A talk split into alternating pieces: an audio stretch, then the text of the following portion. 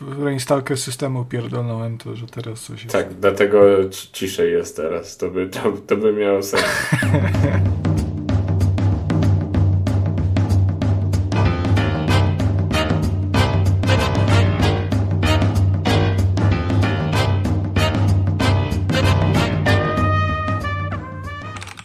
A ci powiem, że tak mi ten komputer zapierdala teraz na tym SSD-ku.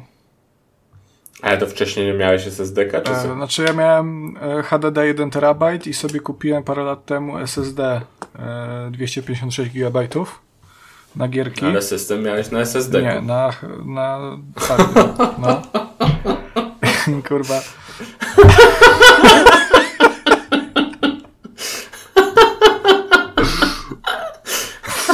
I wiesz, to był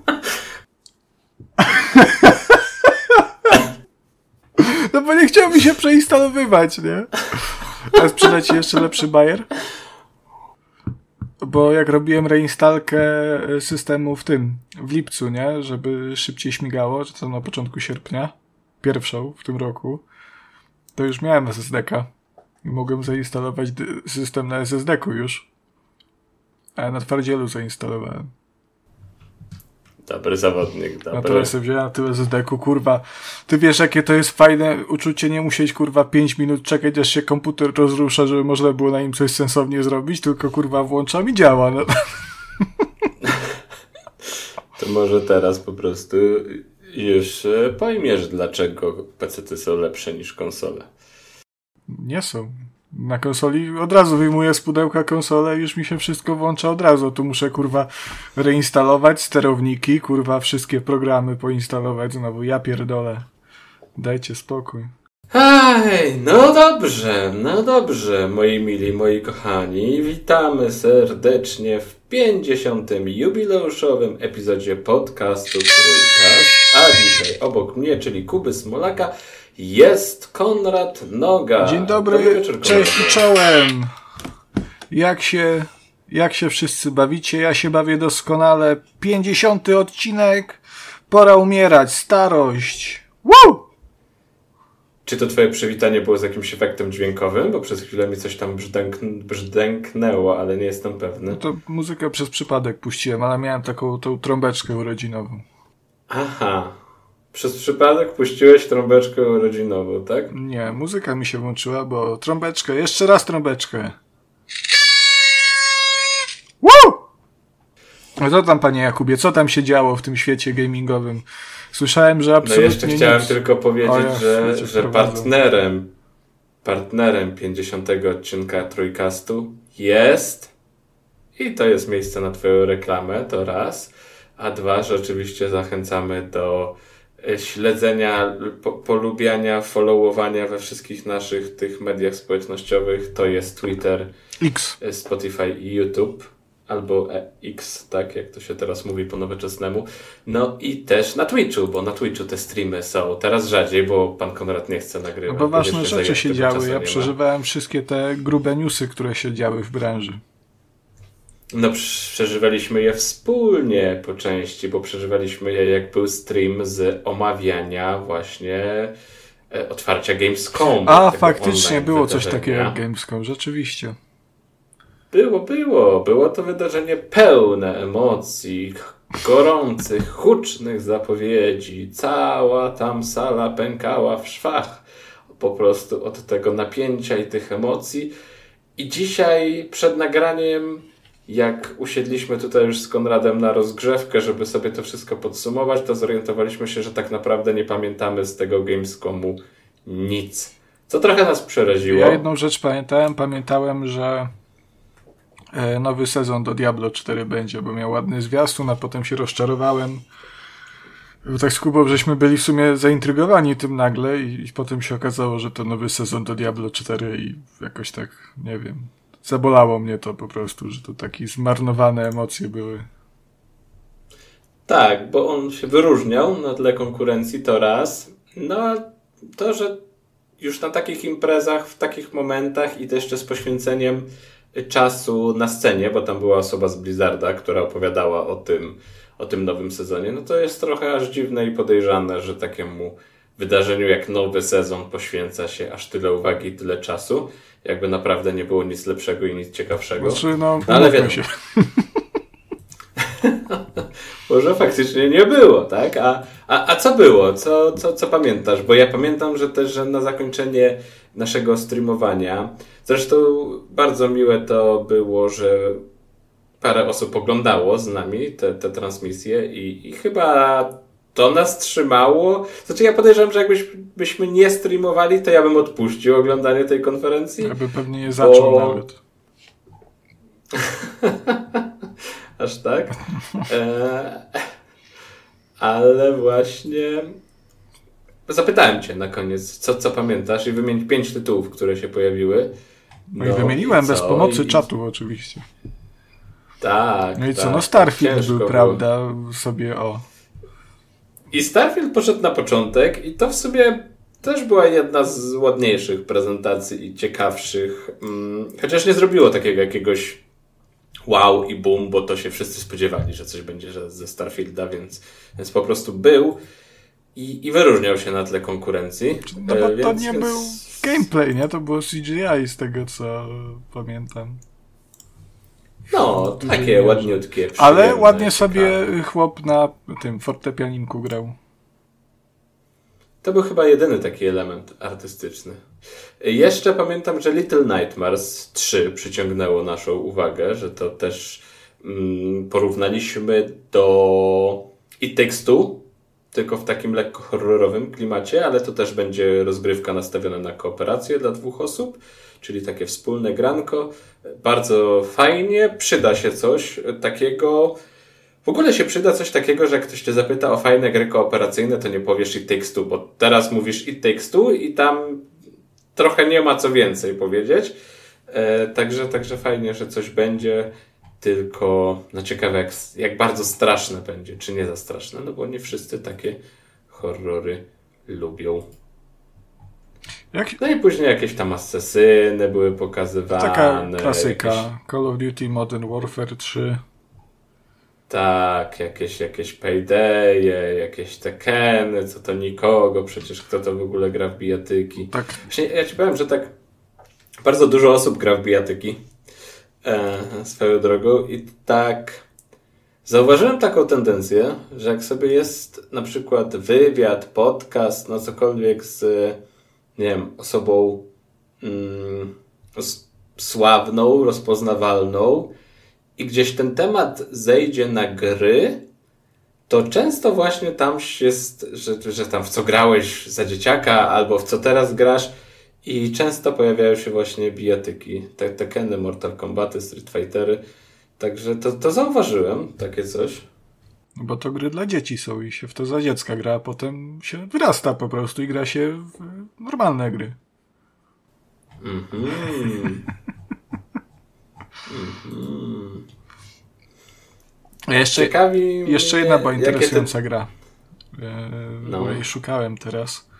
E, ona zaintrygowała wszystkich na czacie, e, ponieważ protagonistą tej gry jest pani i to jest pani z ładną, bardzo mocno zarysowaną pupą. Więc, więc jako, że e, nasz czat był głównie, znaczy nie wiem, czy to jest protagonistka, jedna z bohaterek, jako, że nasz czat był no, jednak w 100% męskim środowiskiem, to nagle e, jak się pojawił The First Descendant, bo tak się ta gra nazywa, to wszyscy byli bardzo zaintrygowani tym, co się dzieje na ekranie. Ale sama gra... Chyba ty. Chyba Nieprawda, ty. błagam. Proszę sobie Konrad, zapis. Streama Naprawdę. obejrzeć na YouTubie. A gdzie, a gdzie można Zobaczycie, jaki Jakub streama? Smolak ślinotok miał. Jaki ozor wywalony, aż broda cała była taka, jak jakby się psa do kąpieli wzięło. Dajcie mm -hmm. spokój. Ale sama, sama gra też wygląda spoko. No, taka strzelanka y, zręcznościowa mocno. Y, I, i, i, I bardzo fajnie to wygląda. Tak poza tym liznęliśmy trochę Anala, to klasycznie. Soniki były. Tu, ale dużo było tej, tej, tej, tej takiej japońszczyzny, prawda? Tam, Genshina było bardzo dużo. I, tak. Jak to jest? Honkverse? Huyoverse? Honkai? Nie, to jest... Honkai to gra. E, Hoyoverse. No, jestem, tak.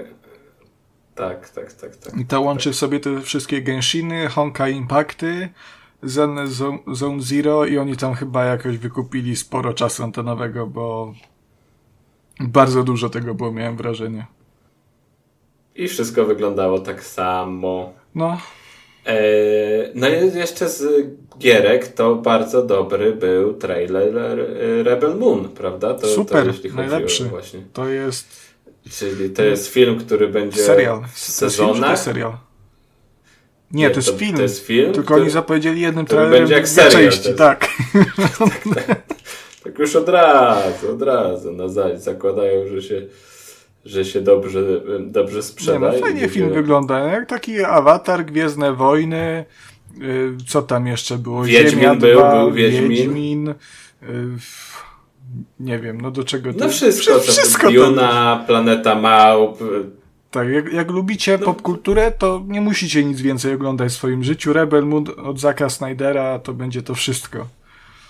Co, co, co a może to są dlatego części dwie, bo pierwsza część to będzie tak jak wiesz, jak z ym, Pismem Świętym, Stary Testament i, i Nowy Testament będzie na przykład.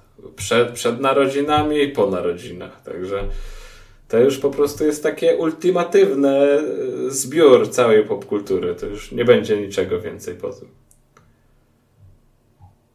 No fajny ten, ten Ga- Gamescom był. To No i jeszcze pokazali przecież tego y, Cyberpunka, pokazali jak już jesteśmy przy ym, odhaczeniu Binga trójkastowego, to, to, to myślę, że można. Oprócz narzekania na wszystko, że, że złe i że gier Nie no, wszystko w było ogóle cudowne, to wszystko bardzo ładnie wyglądało, natomiast no to jest Gamescom, ja to już mówiłem w trakcie streama i powtarzałem to wydaje mi się wielokrotnie, ale Gamescom to jest taka impreza, na której e, odgrzewają te kotlety, no pokazują wszystko jeszcze raz. E, ja wiem, Kuba, bo to też ty mówiłeś, że to jest ostatnia taka duża, duża impreza z tych takich gamingowych. E, no ale no nie zgodzę się z tym, że tak jak mówiłeś, że to przejęło z HDP3, bo raczej to jest dalej ten tam te Summer Game Festivale, te, to wszystko, co się w czerwcu dzieje, a, a Gamescom, no to jest taki Gamescom, no. Gamescom po prostu pozostaje Gamescomem, tak? I tego się trzymamy. Tak, tego się trzymamy. E, Ale jeszcze pokazali Thank Goodness You're Here. To takie, to takie to, to ładne jest to nie wiem, kwasowe takie trochę, nie? Znaczy no kwasowe, ale bardzo abstrakcyjne. O, tego Kwasowe. słowa mi brakowało. Co na koniec poszło i byliśmy... No, takie takie e, rysunkowe, humorystyczne. Indycze takie, o! Tak, no to chodzi taki dziwny chłopek z uszami i wskakuje do studni. Nie wiem, trochę mi to przypomina, e, nie wizualnie, ale, ale tak pod względem tego, co się dzieje na ekranie, trochę mi to przypomina Un- Untitled Goose Game. A ja nie grałem w tę w te, w te gęsią grę. No ale to wygląda tak, wiesz, że Także- chłopek sobie chodzi po świecie, tam są mieszkańcy, oni sobie coś robią, a chłopek chodzi i odwala manianę, nie? E, Ale co to dokładnie jest, to dalej tak naprawdę nie wiem, bo ten trailer to tak średnio tłumaczy, co tam się dzieje. Ale to nie o to chodzi. To nie o to chodzi, żebyś ty tam się dowiedział za dużo. Konradzie, to chodzi o to, żebyś ty zapłacił. Tak jak zapłacisz za nowe PlayStationy. A, nie za PlayStationy, No. tylko PlayStationy Plusy. I nie za wszystkie, ale za te na rok, ponieważ PlayStation huknął news, gruchnął, aż dupy popękały e, gr- graczy i słusznie, no bo, no bo taki trochę, no nie wiem, no mocno te ceny podnie, podnieśli, e, bo tam O 20 dolarów na poziom, tak? To Jakoś, Na, na, na jakoś tak, niech sobie znajdę te liczby jeszcze dokładnie. No ale co ciekawe, to jest podwyżka, która będzie obejmowała tylko te roczne abonamenty, a te miesięczne i tam chyba są trzy miesięczne czy półroczne y, pozostaną takie, takie same. E, Ale to czekaj, to jak to jest możliwe? To, to po prostu spadła opłacalność rocznego abonamentu? To teraz nie jest tak, że jakoś one się zrównają bardzo cenowo? To czy wykupujesz na, na miesiąc, na trzy miesiące czy na rok? Nie, tak jak patrzę, bo z tego właśnie sobie szybko przeliczyłem teraz i miesięczny abonament PlayStation Plus, ten najbardziej podstawowy, to jest 37 zł, e, co w ciągu roku daje 444 zł. E, natomiast teraz już po tej podwyżce e, według aktualnego kursu euro, no to ten naj, najbardziej podstawowy pakiet Essential będzie kosztował na rok 322 zł, Extra 563, a Premium 679 zł. No to i tak się nie opłaca. No nie opłaca się, no ja osobiście nie wiem, bo to też u mnie wynika akurat z tego, że ja nie gram bardzo dużo online, nie? Ostatnio wykupuję ten, tego PS Plusa, bo gram w TESO, e, ale ogólnie uważam, że jeżeli ktoś tak nie gra nałogowo w jakieś Call of Duty czy coś, no to wykupywanie tego na 12 miesięcy od razu to nie ma większego sensu. Um, nie no ja wolę to jakoś tak doraźnie kupować i e, wtedy, kiedy akurat potrzebuję i po prostu no nie opłacam tego cały czas. No ale to jasne, to też zależy, mówię, od y, potrzeb każdego gracza, nie? No bo jak ktoś łupie w Call of Duty Modern Warfare non-stop, czy w jakiegoś innego, co tam, jakie są teraz popularne gry e, Kuba sieciowa. Fortnite. Quake Champions na przykład, którego nie ma na PlayStation, ale mniejsza. E, albo o Lo Valoranty jakieś? Lowbreakers na przykład. Y, no tak, tego typu gry. Evolve. No to wtedy no może się to faktycznie bardziej opłaca, no ale no... No najciekawsze jest to, że tylko te 12-miesięczne abonamenty podrożały. E, ale no, no nie zdziwię się, jak, jak niedługo za tym pójdą w górę też te pomniejsze. Żeby nie było Januszowania, skończyła się Cebulandia. Tak, no i ludzie się zastanawiają też nad powodami te, tego e, i tak się zastanawiają, czy za to podwyżką pójdzie podwyższenie oferty, zwiększenie może bardziej, tak, zwiększenie oferty tych e, game passowych wersji abonamentu Extra i Premium, że tam będą na przykład gry na premierę te odsłony, tam Szpander 2 Man będzie na premierę, czy co tam jeszcze wychodzi, God of War 3, w sensie God of War 3.2, bo już God of War 3 już był. Mm, jest ten drugi God of War 3 i inne tego, tego typu różne gierki. Mm, no ja osobiście mi się wydaje, że... podwyżka, żeby to się wydarzyło, co nie? E, jeszcze raz? Za mała podwyżka, żeby to się wydarzyło. To, ja to, wiem. To, to nie jest aż... Nie wiem, no to 20 tych, no to dolarów, no to tak naprawdę nie wiem, no trzech i tam jedna, jedna szósta gracza już masz opłacony God nie? Niby, więc no, Całą produkcję. Za takiego z, z promocją. AAA w sensie, bo to tam wiesz, 20 dolarów podwyżki, no to tutaj mówię, żeby 70 wyszło, to musisz mieć y, trzech graczy i jedną szóstą gracza. Tak? No tak. ale osobiście mi się wydaje, że ta podwyżka, no to powodem, powód jest prozaiczny. Jak można zarobić pieniążka, to dlaczego nie zarobić pieniążka? No i, i ja. Oto, oto no tak. jest odpowiedź, moim zdaniem.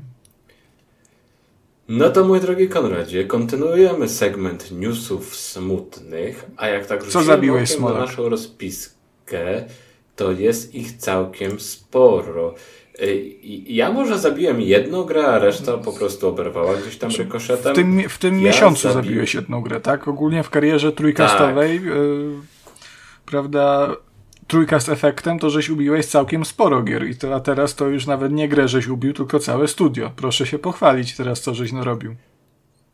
Wiesz co, tak jeszcze się zastanawiam, czy my gdzieś tam wspominaliśmy o tej grze Season bo tam oni, twórcy też... No przecież to recenzowałeś. gra była...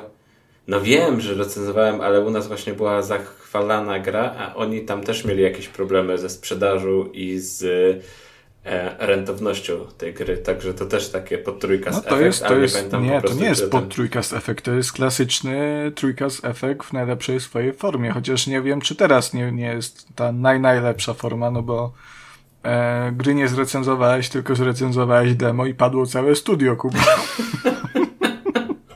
Przepraszam, że się śmiejemy, ale to, to jest już u nas taki trochę running nie, joke. no to jest trochę, trochę dziwna sytuacja, bo mówimy tutaj o studiu Mi Mi Mi Games, 3 Mi, Mimi, Mi Games, e, które znamy, nie wiem, z Desperadosa trójki, znamy z tych, zawsze zapominam, Shadow... Gambit. Yy, to tak, to ta najnowsza gra, a ta Shadow Tactics o, chyba tak, ta tak, wcześniejsza tak, tak. się nazywała, jeśli pamiętam dobrze. Yy, czyli to jest studio, które robiło takie same gry w innych settingach. Wszystkie były takimi taktycznymi, nie wiem, w stylu ala Commandos powiedzmy grami i każda była bardzo ciepło przyjmowana. Rewelacyjne recenzje, gracze zachwyceni, wszystko spoko. A potem przyszedł trójka. Tak też było właśnie z ostatnią recenzją, z ostatnią grą Shadow Gambit, o którego o, yy, demie wspominaliśmy. No i była premiera i to samo, rewelacja, super ekstra, wysokie oceny, dziewiątki, dziesiątki. A studio się zamyka. Po prostu kończą produkcję, więcej gier robić nie będą, bo im się to nie opłaca. E, po prostu też no, powoływali się na to, że stres związany z produkcją, gdzieś tam ciągły brak pieniędzy, nieciekawa właśnie ta sytuacja finansowa. E, pomimo tego, że robili bardzo dobre gry, okazuje się, że to zwyczajnie za mało. I teraz nie wiem, co tutaj winić. Czy, czy, czy winić gatunek po prostu, który, który sobie wzięli na tapetę i że to dlatego, że on się tak nie sprzedaje, to nie jest jakiś super rozchwytywany, czy, czy co tam się zadziało? No ale przykra taka informacja, że już nie będzie, nie będzie tych gier od nich. Um, pozostaje mieć tylko nadzieję, że ci świetni deweloperzy gdzieś tam sobie pójdą w świat i dalej będą robić ciekawe gry, także coś tam, coś tam jeszcze wniosą od siebie na arenę. Chociaż ja też tutaj Shadow Tactics kupiłem na promocji. Tutaj coś było do recenzji, także tutaj też trochę mi się należy po prostu oberwać batem, no, bo, bo nie kupiłem żadnej z tych gier na, na krzywy grając, tak? Nie, tak, tak, tak, tak. Nie, nie przyczyniłem się, nie wsparłem. Także no, jak zawsze, winni są gracze. Co by się nie działo, czy się dzieje dobrze, czy się dzieje źle, zawsze jest wina graczy. Grę ubił i na graczy zwala. No super, Kuba, gra, gratuluję. E, nie jest to jedyne studio, pomyśl sobie Jakubie, e, które doświadczyło Co jeszcze ubiłem w tym tygodniu? Mm, natomiast no tutaj akurat nie chwaliliśmy, ja nie chwaliłem. E, Volition Games, e, czy to, nie wiem czy to jest Games, Volition zamykają po 30 latach od, od powstania. E, studio jakże uznane, e, no to są twórcy Red Faction, to są twórcy serii Saints Row. Mm, oni tam jeszcze robili jakieś tam inne, mniejsze gry, chyba Punishera zrobili. Jacy jakąś tam pierdołę jeszcze.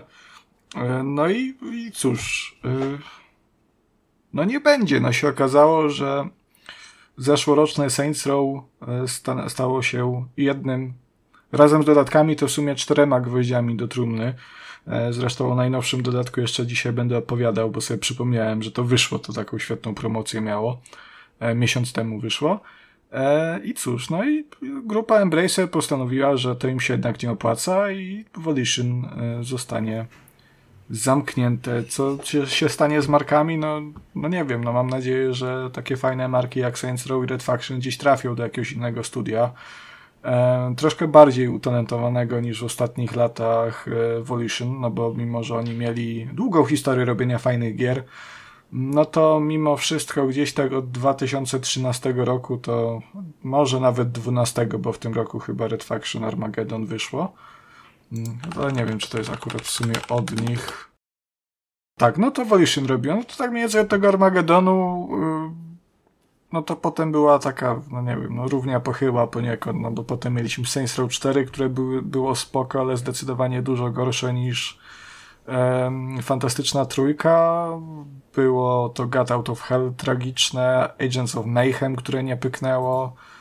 E, no i w końcu właśnie to, to nowe Saints Row które też nie Ale widzisz, tutaj sytuacja jest trochę inna, bo im właśnie wychodziły jakieś takie przeciętniaki, mhm. albo po prostu słabe gry, więc to zamknięcie jest jakoś uzasadnione. Tak, tak, tak, a w tak. przypadku Mi Mi Mi to tak bardziej jest to dziwne, nie? Że, że pomimo dobrych gier i sukcesów jednak muszą się zamknąć. Tak, no tutaj wiesz, tutaj ten smutek związany z zamknięciem Volition to raczej wywodzi się z, z tych miłych wspomnień, nie? Z ich e, starszymi grami.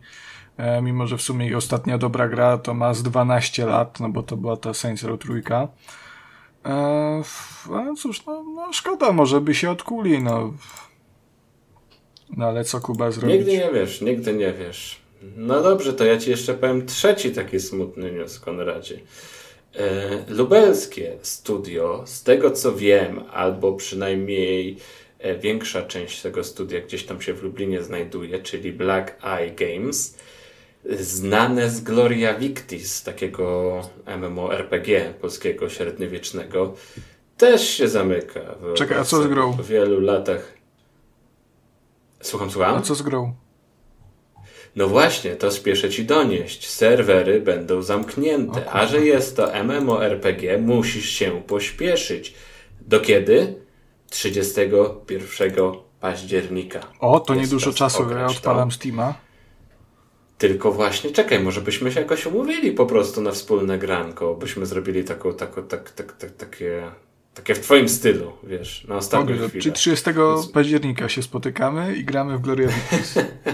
tak? A później pierwszego będzie mówić, o, taka dobra gra, kolejna, zaorana, już nie ma, nie będzie, o, takie dobre było. No, i tam się zaczyna w związku z tym taki. Ty, ale to pieniądze sezon. kosztuje. Jak kosztuje pieniądze? To nie jest. No 80 zł to kosztuje. Eee. Ojej, matka, to już wiadomo dlaczego się zamyka. Dodaj do koszyka. Byłem przekonany, że to jest jakieś, jakieś free to play. No bo jak słyszysz, że MMORPG, no to, nie to wiem. z miejsca, nie?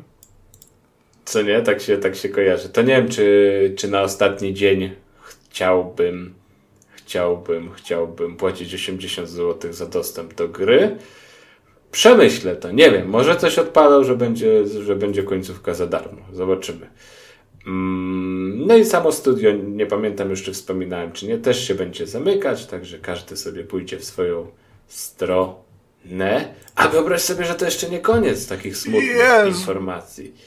Ja no, już nie wytrzymię więcej, Kuba. Korinis, Gothic 2, projekt anulowany. Nie będzie modyfikacji, wyobraź Kurde. sobie. Tak, po 15 latach prac tam się wszystko rozjechało. O co dokładnie chodzi, tego nikt nie dojdzie. Osoba odpowiedzialna za projekt nie ma kontaktu z nią, nie wywiązywała się, nikt nie wie co się dzieje, czy będzie, czy nie będzie. Dubbing tam miał być oryginalny, on miał istotną rolę odgrywać, e, ale go nie będzie. No po prostu się wszystko pokomplikowało, po, posrało się. No i wielka szkoda. Tutaj się twórcy, kto tam został i, i, miał jeszcze jaja się pożegnać, to się pożegnał po prostu z fanami i z osobami, które były zainteresowane tym modem. Ale dla mnie to jest trochę. No, no nie wiem, no mod powstający 15 lat, to. No, no, no szanujmy się. No, to, to, już, to już po trzech latach pięciu było wiadomo, że on nie wyjdzie. No, ale to jest robione Kuba po godzinach, bo... a nie, wiesz, dzień, noc. No tak, ale to też...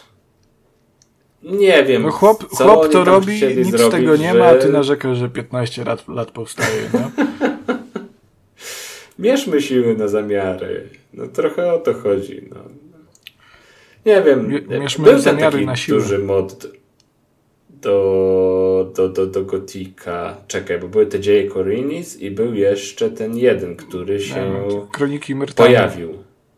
O tak, te kroniki. I tam chyba dość spoko to wyszło. Tak, prawda? ludzie chwalili, że fajne, że gotik i ludzie chwalili. jest drewno jest przyjemnie. Nawet drzazgi wchodzą tak jak zawsze i super. No cóż, no. Nogi trętwieją. Można to podsumować, to może bardzo niemiłe będzie z mojej strony, ale trochę mnie kusi, żeby ten, tego żartu użyć. Można to podsumować e, kultowym cytatem właśnie z Gotika i powiedzieć, że jedna parszywa bestia mniej. ładne, ładne. Nie no szkoda, no bo to jest, wiesz, dużo ludzi to to serce włożyło. Ciekawe, czy teraz przyjdzie nadzieję Korinis, czy przyjdzie żerować jakiś taki ścierwojad na przykład, tak? Może będzie... I czy jeszcze... Za rok, za rok będzie news, że ten, że jednak robią, i zmienili nazwę na Nadzieję Korinis. Jest takie, bo to jest taka nowa nadzieja. O, o czyli, czyli ty już im, ty już im wymyśliłeś tak, wszystko tak, po prostu. to już jest, to już jest gotowiec. Nie, no ja się nie zdziwię, jak to zaraz będzie jakiś, wiesz, um, kolejny fanowski projekt zrodzi się w to miejsce, bo bo, bo, bo ludzie, fani coś robić muszą, prawda? Także zawsze Możemy się wziąć za robotę, zajęcia. to mody robią do starej gry, niemieckiej jeszcze.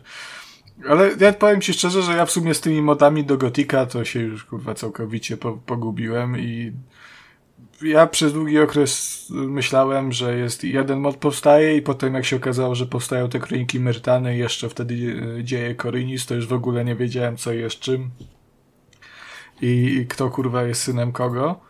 E, no a teraz już nie będę miał tego problemu, e, niestety, bo w sumie, no jakby to fajnie wyszło, to by fajnie było, można było wrócić do fajnej gry Gothic 2 z DLC Noc Kruków, a tak to no niestety nie ma do czego wracać. Cóż. No wrócisz sobie do remake'u Goticzka, zaraz sobie wrócisz do Goticzka na Switcha, sobie wrócisz. No ja nie chcę do Goticzka na Switcha wracać, no. Po co? Nawet, nawet jakby był nowy system zabezpieczeń? No, będzie w Gotiku de novo? Nie wiem, będzie na Switchu. Tak, zapowiedziano, że e, de novo będzie oficjalnie wspierane na Switchu.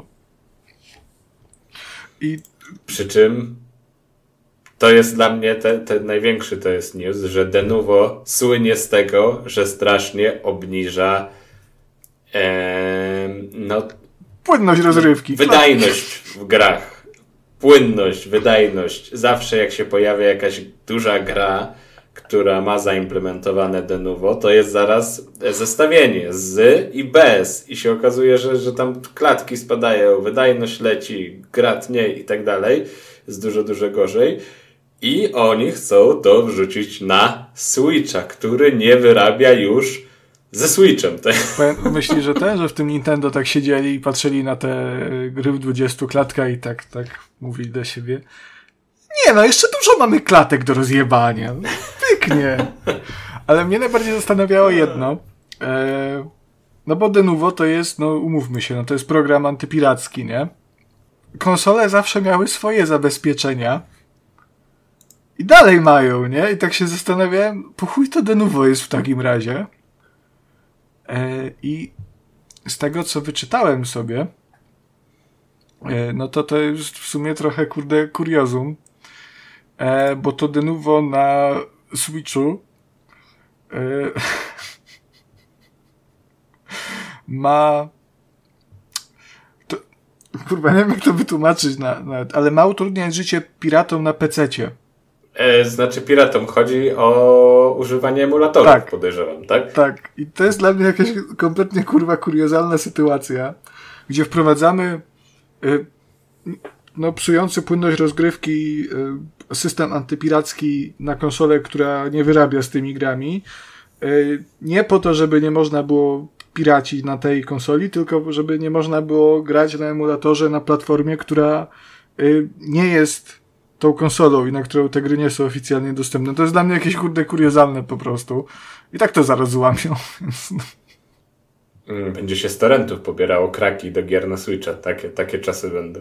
Nie no, może ja no. czegoś nie rozumiem. Ale ciekawie tutaj, na ale przykład no... jest szansa na to, że w nowym Switchu, w kolejnym Switchu, w następcy będzie to już standardem od samego początku i jest nadzieja na to, że już od dnia premiery na nowym Switchu wszystko będzie przycinać. No i elegancko to się nazywa, wiesz, y, tworzenie marki, branding, nie? No Myślisz tak, Nintendo 25 klatek. Super. no i kolejny smutny newsik, ale to taki um, niby człowiek wiedział, a jednak się łudził, czyli że Star Stalker 2 będzie opóźniony, Mm, w tym roku premiery nie będzie, może w przyszłym, ale to też nie wiadomo. Czas pokaże, jak to będzie. Z tego co widziałem, bo był oczywiście GSC Game World było na, na, na, na, na, na, na Gamescomie i pokazywali A to. Tego Stalkera? A, Stalkera. Stalkera? To też. Stalker wpisuje się w ten klimat. I, i, i, i, no i tam jest, widziałem komentarze, że jest ok, ale jednak potrzeba jeszcze trochę pracy. Także kwestia tego, jak dużo tej pracy potrzeba, bo no tutaj nikt się nie awanturuje, nikt się nie gniewa na obsuwanie dat premiery. Wszyscy to akceptują, bo po prostu wiemy, jaka jest sytuacja. Chociaż dla samego studia to, to na pewno nic dobrego nie jest, bo wiadomo, że taki przeciągnięty tam gdzieś development to, to, to nic dobrego nie robi, bo mm, koszta, bo technologia, bo wszystko zaczyna się sypać, a problemy narastają. Więc, więc też byłoby fajnie, jakby im się udało jak najszybciej te gry wydać, tylko oczywiście w przyzwoitym stanie, ewentualnie gdzieś tam później ją mm, łatać z czasem. No ale tu też mi się wydaje, że jednak yy, gracze zrozumieją bardziej sytuację niż w przypadku innych gier. Także cierpliwie sobie czekamy. Co ostatni nam smutny news został i to tak z twojej działki w sumie.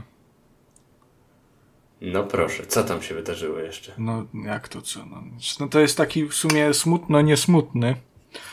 E, dobra, Kuba, chcesz e, chcesz zacząć od dobrej czy złej wiadomości związanej z tym newsem?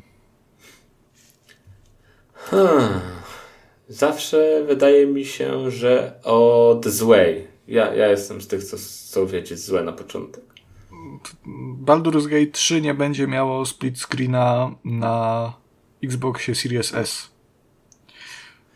To jest ta zła, natomiast Straszne dobra jest rzeczy. taka, że e, dzięki temu Baldur's Gate 3 ukaże się na Xboxie. Em, Mm. I to jest, Sprytnie, spryt, sprytnie wybrnąłeś. to jest chyba ten moment, na który to w sumie wszyscy czekali, w sensie może nie tak, że chcieli, Znaczy żeby wiedzieli, to się że się wydarzyło, ale każdy by- był świadomy, że no umówmy się, Xbox Series S, który no był, no był mocniejszy od tych One'ów, nie? Ale nie jakoś bardzo dużo. Em, wychodzący w tej formie wraz z nową generacją Series X-em i e, PlayStation 5, to no tak no, w którymś momencie stałby się kulą u nogi i no nie minęły trzy lata od premiery. Nie, wysz, nie zaczęły jeszcze wychodzić tak naprawdę gry tak stricte pod tę generację. No i się okazuje, że jednak ten Series S faktycznie tą kulą u nogi jest, no co widać właśnie e, chociażby przy Baldur's Gate 3, ponieważ no split screen w tej grze już to było za dużo na moce przerobowe Series S-a.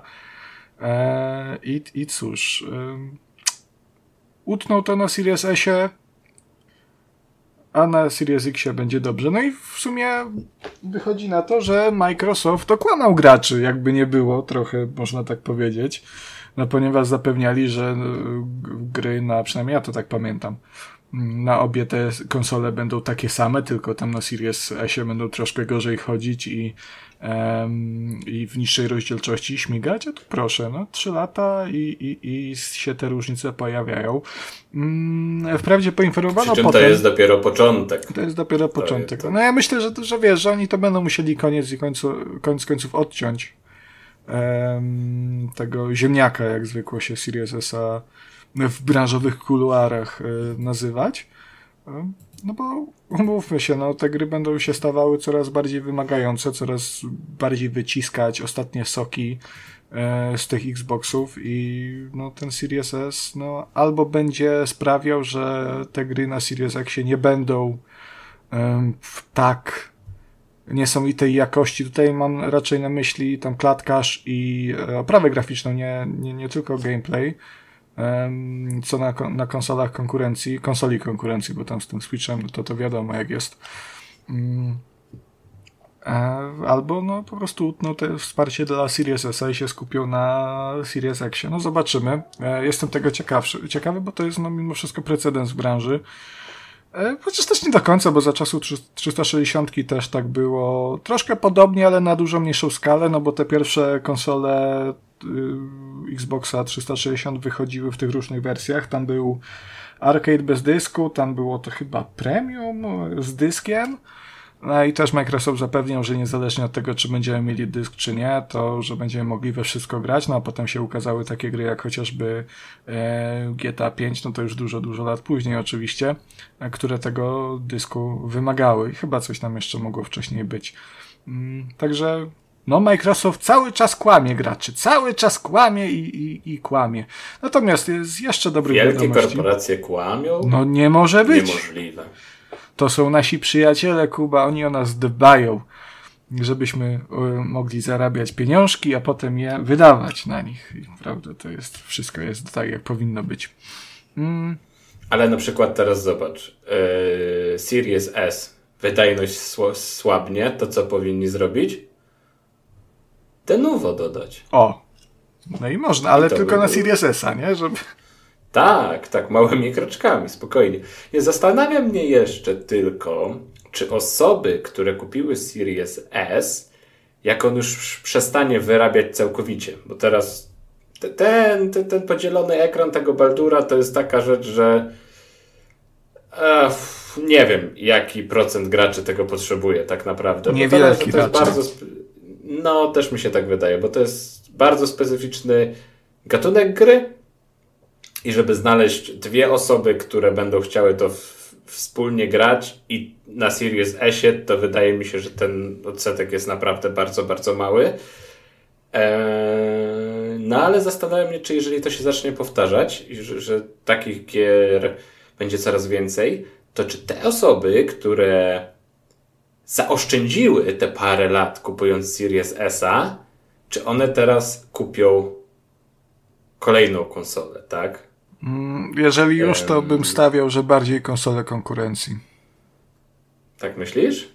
To nie ma sensu w innym razie. No po, po co, wiesz, po co zmieniać Series S na y, Series X, skoro można zmienić na PS5 i mieć od razu no pod względem jakości rozgrywki to jest praktycznie to samo, a PS5 ma ten atut, że ma, wiesz, gry ekskluzywne, nie? No, jeszcze. No, czyli dalej zakładasz, że Microsoft nie będzie miał ekskluzywów. Bo wiesz, bo to jak zacznie się sypać to, że gry nie będą chodziły na, na SC, no to zacznie się właśnie od tych największych AAA-ów, tak podejrzewam. A, a to no ale takie gry sprzedają te konsole, nie? No jeżeli ktoś, wiesz, jest takim, nie wiem, no, zapalonym graczem, to jest bardzo duże prawdopodobieństwo, że ma w sumie obie konsole, nie? E, albo przynajmniej gdzieś, nie wiem, PS5 tego, tego Series S. No nie zawsze oczywiście, ale, ale sporo z takich, takich już turbo zapalonych Takich jak ty. Ty jesteś taki turbo zapalony. Co? Tak, do tego ostatnio same stare gówna gram. Tak, tak to jest. o których opowiesz w dalszej części Oczywiście. Jest, na, wyczekujcie wielkiego monologu Konrada. e, e, tak. No, ale wszystko wskazuje na to, że w najbliższym czasie będziesz jeszcze więcej grał w stare gówna, tak? Czemu? No za sprawą Atari 2600. No, no czemu ja chciałem skończyć, kurde, tym płynne przejście Aha, robisz. przepraszam. No nie, no bo miałem mówić, że wiesz, że nawet ja osobiście, jeżeli, jeżeli macie Series S i pograliście w te wszystkie gry, które tam wychodziły w tym Game Passie, e, te Forzy jakieś, te, te Halo, e, no to mimo wszystko, jeżeli byście chcieli zmieniać konsolę albo dokupić konsolę, to raczej bym was popchnął w kierunku tej PS5. Sony jakie to się jest. nagrało, wiesz o tym. Wiem, wiesz że się nagrało. Tym, że Sony nagrało. jest jakie jest. E, natomiast no nie wiem, no to mają tę usługę taką ala Game Pass, teraz droższą. Ale mają. E, są w niej gry, mają gry, których nie ogracie na Xboxie ani na PC przez przynajmniej jakiś czas jeszcze. E, no wiesz, no nie widzę sensu zmiany na Series X tak naprawdę, no bo tak na, za jeżeli trochę dorzuci, to można mieć też PS5 i Series S, który tam do tych Xów Microsoftowych wystarczy. Nie? No. Z Game Passa. Tak, no bo umówmy się, no Microsoft jak bardzo lubię Xboxa, jak ja bym sentymentu nie miał Xboxa, y, jak bardzo nie byłbym zakochany w Series X i bym nie pluł na Sony na początku tej generacji, E, i wychwalał Xboxa, bo Xbox robił na początku generacji absolutnie wszystko dobrze. Prokonsumenckie ruchy, ten Game Pass, y, darmowe upgrade'y, po prostu kurwa, no cuda, no cuda na kiju. No to po trzech latach, wiesz, tak patrzę na tego Xboxa yy, i no trochę przykro się robi, nie, że wiesz, że kurwa, no gry, które, które reklamuje Xboxa to jest Redfall. To jest Halo Infinite, które y, było bardzo fajne, uważam, ale no mimo wszystko dla hardkorowych Halo'owców bo to bardzo szybko umarło, nie? No to jest tak na... No ale co ze Starfieldem, który już są pierwsze recenzje i podbija po No Starfield podobno, podobno super gra, najbardziej e, dopracowana gra Bethesdy. Akurat tutaj poprzeczka nie była no zawieszona zbyt się, że wysoko. to samo powiedzieć, no.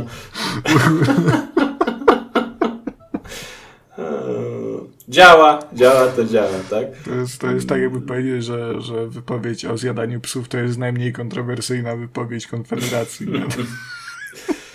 Ale teraz, e, no co, myślisz, że, że to nie jest karta przetargowa na korzyść Microsoftu, ten Starfield, jako ex? E, jedna z pierwszych, no nie licząc Forza Horizon 5 tak naprawdę, nie? która się ukazała, no umówmy się dwa lata temu. No w końcu się coś zaczyna dziać. E, ale... Bo tu będzie walczonko, walczonko jakieś tytuły gry roku pewnie w wielu kategoriach. E, no nie wiem, czy już tu Baldur nie zaklepał tak naprawdę. Może się mylę, Ten ale... chyba jest, wiesz, mocniejszy marketingowo i, i, i, i, i podejrzewam, że trafi do szerszego grona, także to, to różnie może być. No nic, no zobaczymy. No ale wiesz, wychodzi Starfield, a potem co? Sztakler przesunięty na pierwszy kwartał 2024 może, bo więcej o dacie premiery mamy usłyszeć. Co tam? No a później będzie zimą, będzie ten e, The Game Awards i będą Game Pass Day One, pu, pu, pu, pu, pu. Game Pass Day One, pu, pu, pu, pu. No i znowu będzie 20 zapowiedzi i będziemy czekać 5-7 lat. Dobra, Forza jeszcze, Motorsport wychodzi, ta nowa, teraz jakoś chyba w październiku czy w listopadzie. E, także to jest fajne, ale to też jest, umówmy się, gra dla specyficznego grona odbiorców, nie? No, tak, no nie wiem, no ten Xbox to tak trochę, no nie ma czym zawojować. A ta Senua no. Saga, ten Hellblade 2, to nie miało być tylko... Też no dobra, jak, kiedy Hellblade 2 wychodzi? Nie ma dokładnej daty, ale chyba na ten rok był zapowiedziany. No i, i dobra, i Kuba, i teraz patrz, i masz Series S, zaoszczędziłeś te pieniądze, bo to kosztowało tam z 20 zł. Ehm, Cały Series S, tak? Tak, dokupujesz, dokupujesz sobie. Teraz jest używanego Series S, to się zakładam, zakładam, że można za 8 stów albo za tysiaka kupić. Ehm, dokupujesz sobie tego PlayStation 5 no i te wszystkie Xboxowe gierki, te Forzy, motor, Motorsporty, te Starfieldy sobie ogrywasz w Game Passie, a PS5 masz do dużych gier multiplatformowych i, e, i do Xów Sony. No albo po prostu kupujesz PC i grasz sobie wygodnie we wszystko jak człowiek, prawda? No tylko czujesz się, że wewnątrz jesteś zwierzęciem, bo jak to tak można na PC grać? sterowniki instalować. A na Atari byś do grał? karty dźwiękowej. Na Atari to ja bym grał, ja to już kupuję, bo zapowiedziano, prawda, kurde, słuchajcie, teraz misiaczki, trzymajcie się. Nowa konsola powstaje i to będzie kompletny game changer. PlayStation 5, Series X, Nintendo Switch 2 Pro mogą się schować, ponieważ byczki Atari 2600 Plus ukaże się na rynku już 17 listopada odkładajcie pieniążki, mianowicie 529,99. E, I to jest w ogóle super bajer i ja byłem mega zaskoczony, bo tak przeczytałem e, newsa, którego Playon wysłał na, na naszą skrzynkę i sobie myślę, oho, kolejna mini konsolka z budowanymi grami, tak jak to e, A A500 Mini, jak to, to C64 Mini, jak te SNESy Mini, PlayStation Classiki. Fajne, pewnie kiedyś kupię, ale mech. Ale ludziki, tu się pojawiają, kurde, jajca, bo to nie jest mikrokonsola. To jest. No w sumie, no nie wiem jak to nazwać, to jest reedycja? Coś w ten deseń? Remaster konsoli? Remake? Bardziej remaster. Oj, tak jak patrzę, jak patrzę na bebechy tej konsoli, to to jest remake. To, to jest, to jest remake. Gruby remake. To jest remake, remake Atari 2600. E, dlaczego? Czy... Bo takie bebechy to ja miałem u siebie, nie 10 lat temu. No, to... Czym to się różni, e, kochani moi, od tych wszystkich mikrokonsol, od, od tych wszystkich różnych firm, którymi rynek jest zalewany od paru lat? E, no chociażby tym, że nie będzie tutaj wbudowanych y, gier. W pakiecie dostaniemy cartridge z 10 grami na nim. Tam chyba będzie jakiś już, nie, nie pamiętam, że jakiś Pacman pe pewnie, czy, czy coś w tym stylu. E, aha, e, Missile Command na pewno. Pacman nie, e, Missile Command ma być? Czy to jest Commander, czy to jest Command? Command chyba, nie? No mniejsza o to. Bardzo dobrze. No i dziewięć innych gier. Ale najfajniejszą rzeczą w tym jest to, że ta gra będzie miała normalny, no bo jako, że cartridge jest dołączany, no to wypadałoby, żeby konsola posiadała wejście Y, i ten slot na kartridże. I co najważniejsze, to nie będzie też tak, że to nie będzie Evercade, że trzeba będzie kupować specjalne kartridże dla Atari 2600 Plus, e, tylko ta konsola uruchomi wszystkie kartridże do Atari 2600 i Atari 7800. No dobra, może nie do końca wszystkie, Mm, ale zdecydowaną, zdecydowaną większość gier, które się ukazały na te dwie konsole tam w latach 70., na początku 80., sobie ogramy. Do, wypuszczono cały tam dokument, który pokazuje, które gry są kompatybilne. I tam zaledwie ułamek jest takich, które e, no nie zadziałają niestety. No nie wiem, no Super Cobra na przykład, albo albo Real Sports Boxing nie zadziała, części gier nie testowano, jak na przykład nie Fatal Run, czy Actionauts, czy Artillery Duel, Stargate'a nie testowano, ale już na przykład w Chuck Norris Super Kicks, Bump and Jump, Boxing, wszystkie Sword Questy, Super Football, Street Racer, Starship, Brain Games, Crazy Climber, Moon Patrol, Miss Pac-Man, Space Invaders, Roadrunner, wszystkie te y, różne gry, nawet kurwa, E.T. The Extraterrestrial możecie uruchomić, jak wykopie, wykopiecie na pustyni na Nevadzie te ostatnie kartridże, które się jeszcze tam ostały, to będziecie mogli w to zagrać.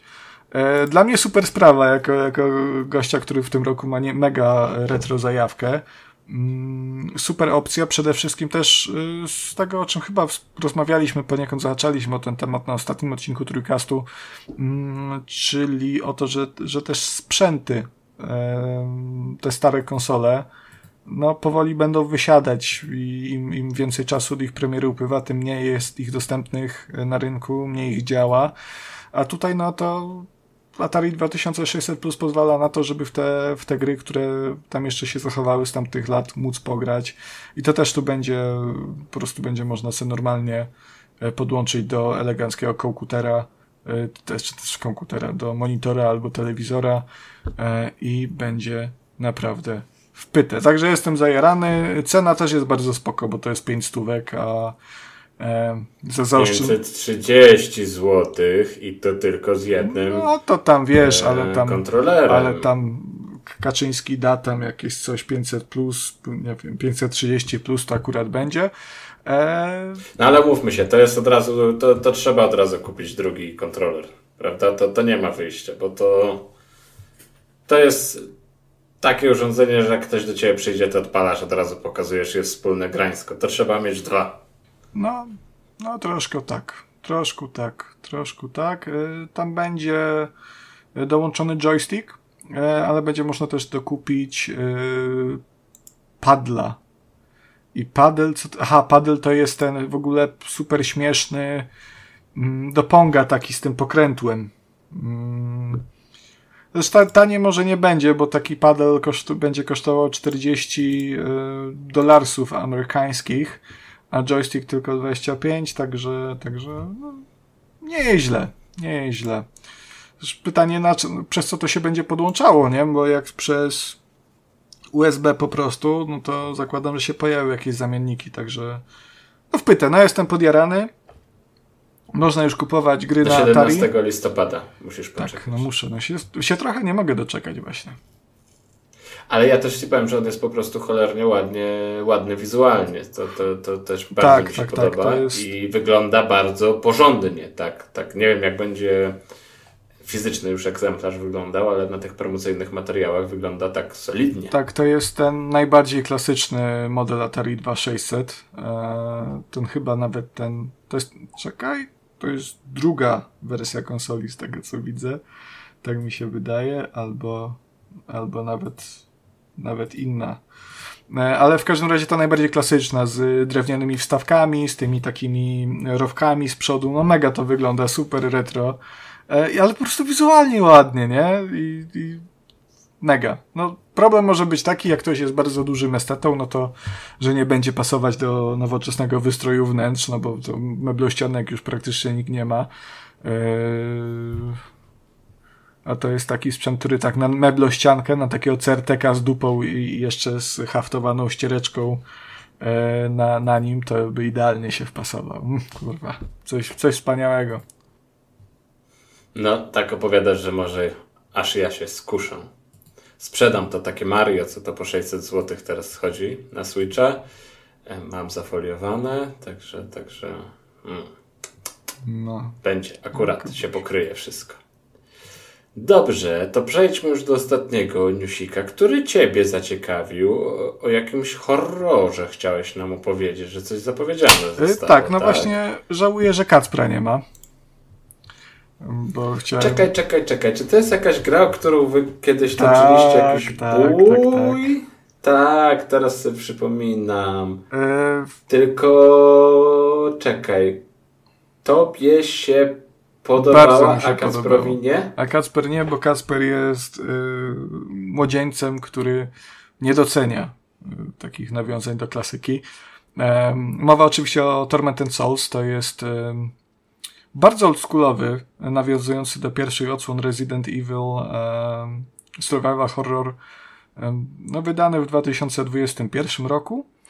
Y, Bardzo fajna gra w ogóle z, z niezłą historią, z przyjemnie oldschoolowym, ale też nie, ba, nie irytującym gameplayem. Po prostu grało się w to do, dobrze, a przy okazji taki był ten powiew e, nostalgii. E, jak nie graliście, sprawdźcie, e, zachęcam. E, natomiast no teraz poinformowano, że ujawi, że pojawi się sequel e, Tormented Souls 2. Będzie zatytułowany tak bardzo no, niecodziennie bym powiedział, no bo kto by się spodziewał, że druga część będzie miała w tytule 2. Mogli pójść y, polską Mm, szkołą nazywania tytułów i, i na, nazwać Tormented Souls. Souls. Tormented Souls. Tak, to by było. 2023 jeszcze mogli, żeby się nie pomylić. To I, i, D, I D na początku. The Tormented Souls y, 2024, bo to za rok wyjdzie. E, Parę zdjęć pokazano, no wygląda to po prostu ładnie, wygląda jak Tormented Souls. E, Należy pamiętać, że to nie jest AAA, więc no to nie będzie też jakości nowych Residentów czy, czy haha Silent Hillów. E, ale to jest dalej, jedynka była bardzo dobrą, dobrą grą, więc spodziewam się, że dwójka, e, dwójka też będzie. E, tak. Cóż, no to co Kuba, to No dobrze, wszystko. to, to fragment newsowy mamy ogarnięty. To ja teraz wyłączę mikrofon, prawda? Ściągam słuchawki i, i pan opowiadaj, działaj. Ja szczerze przyznam, że nie mam się za bardzo czym dzielić w tym odcinku, bo, bo, bo ciągle jestem w świecie Baldura, który eksploruje sobie spokojnie w swoim tempie. Słyszysz? Czy jakiś update mogę na E, nawet zrobić? jak, jak chcesz i masz ochotę, to proszę bardzo, zwłaszcza, że e, o to poprosił e, też jeden z naszych słuchaczy. Znaczy wiesz, no tutaj co mogę zupdate'ować? Mogę zupdate'ować to, co już mówiłem w zeszłym odcinku, że jest bardzo, bardzo dobrze i, i, i dalej jestem zagłębiony w, w tej fabule. Czy coś takiego się wydarzyło? Kurczę, miałem taką sytuację, że już byłem dumny, że skończyłem pierwszy akt. I już takie miałem, ach, dobra, jedna trzecia za mną. Y, Jak, jakoś pomału do przodu wygrzebuję się. No i byłem sobie już w tym akcie drugim, ale zauważyłem, że do aktu drugiego można było dojść na dwa sposoby. Była droga, no tak będę trochę naokoło opowiadał, żeby tam nic nie zaspoilerować przypadkiem. Powiedzmy, że była droga na górze i droga na dole. Ja sobie podszedłem drogą na dole, ale stwierdziłem, że przecież nie ominę tej, tej drugiej drogi, więc wróciłem się z powrotem do, do lokacji z pierwszego aktu Mm, no i oczywiście musiałem poświęcić dodatkowy czas, żeby tę drugą drogę odblokować. Jak chwilę po tym, jak dotarłem do tej lokacji, okazało się, że wcześniej gdzieś tam w jednym miejscu nie byłem. Tam kolejny gruby quest się znalazł. Okazało się potem, że jeszcze ominąłem jednego z towarzyszy gdzieś tam w międzyczasie, więc, więc dalej jestem w sumie w tym pierwszym akcie i go teraz kompletuję. Mm no dzieje się tam bardzo, bardzo dużo rzeczy, tylko tak jak już wspominaliśmy wcześniej, to jest jednak gra, do której jak się siada, to trzeba mieć te przynajmniej dwie godziny. To, to nie jest tak, że tam się da wskoczyć na, na, na chwilkę, na pół godzinki i, i, i wyskoczyć. Nie, tu trzeba siąść i trochę dłużej pograć. No mi się coraz częściej właśnie te zdarzały takie dłuższe sesje, gdzie tam już na 3-4 godzinki przepadałem. Miałem też taką jedną trudną, wymagającą walkę, z którą spędziłem cały wieczór, dosłownie to były ze 3 godziny, ale się w końcu udało i też bardzo mi się podobało ile się tam działo w trakcie przygotowania do tej, do tej walki, bo sytuacja była taka, że te wybory, które chciałem podjąć, um, powiedzmy takie moralne, doprowadzały właśnie do tego, że, że musiałem walczyć ze złym, ze złym panem. I moja drużyna była bardzo mocno poobijana już, więc yy, zaklęcia miałem wykorzystane, gdzieś tam życie niepełne, ciężka sytuacja. Umiejętności też gdzieś tam już, już wykorzystane, tych bohaterów nie magicznych, no ale oni jakieś tam zdolności swoje mają. Także, także ciężka sytuacja, ale nie mogłem udać się na odpoczynek, bo w przypadku odpoczynku działy się tam w świecie gry takie rzeczy, że nie podobało mi się to, co tam się dzieje, więc musiałem kombinować, jak wygrać tę walkę, e, nie korzystając z odpoczynku. No i do kilku takich nieczystych posunięć się, się, się, się posunąłem. Posunąłem się do posunięć, na przykład chodziłem i. Posuwałeś. Ludziki, kto... Jeszcze raz? Posuwałeś. Posuwałem, tak, trochę posuwałem, bo posuwałem ludziki, te, które wiedziałem, że mnie później w trakcie walki, rozpoczęcia walki, że one będą moimi wrogami, a wtedy jeszcze były neutralne, to je posuwałem w lawę, w przepaść, w lawę, żeby je zlikwidować. się gorąco zupełnie. robiło. Więc tak... Więc tak sobie chodziłem i o, to te, ten mnie będzie atakował, to, to cyk go w lawę, spalony. No i tak jak już sobie wyczyściłem okolice, większość tej lokacji, to przystąpiłem do tej właśnie walki z tym, z tym złym panem głównym. No i się w końcu po tych trzech godzinkach udało wygrać. Nie wiem, to może brzmieć e, kiepsko dla kogoś, nie wiem, nudno, ale ja bardzo lubię takie rzeczy w grach. Takie, takie właśnie pokombinowanie z jedną walką, pomyślunek, jak ugryźć temat, jak trochę nagiąć zasady, trochę wykorzystać grę, więc jak najbardziej mi się to podobało i faktycznie byłem taki zaangażowany w to całym sobą. No i co, odkrywam, odkrywam dalej. Ciekaw jestem, co tam się wydarzy w tym drugim akcie i w trzecim akcie, bo pojawiają się już głosy, że tam jest trochę gorzej. Jest spadek jakości, jest też spadek optymalizacji.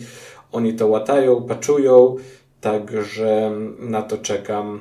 No i czekam też na rozkwit moich dalszych romansów w grze, bo romansów jest, jest sporo. Chociaż czasem mam wrażenie, że są może zbyt, zbyt spłycone te romanse, że tam czasem chodzi tylko i wyłącznie może po prostu o, seks, nic więcej, nie są takie poetyckie, prawda?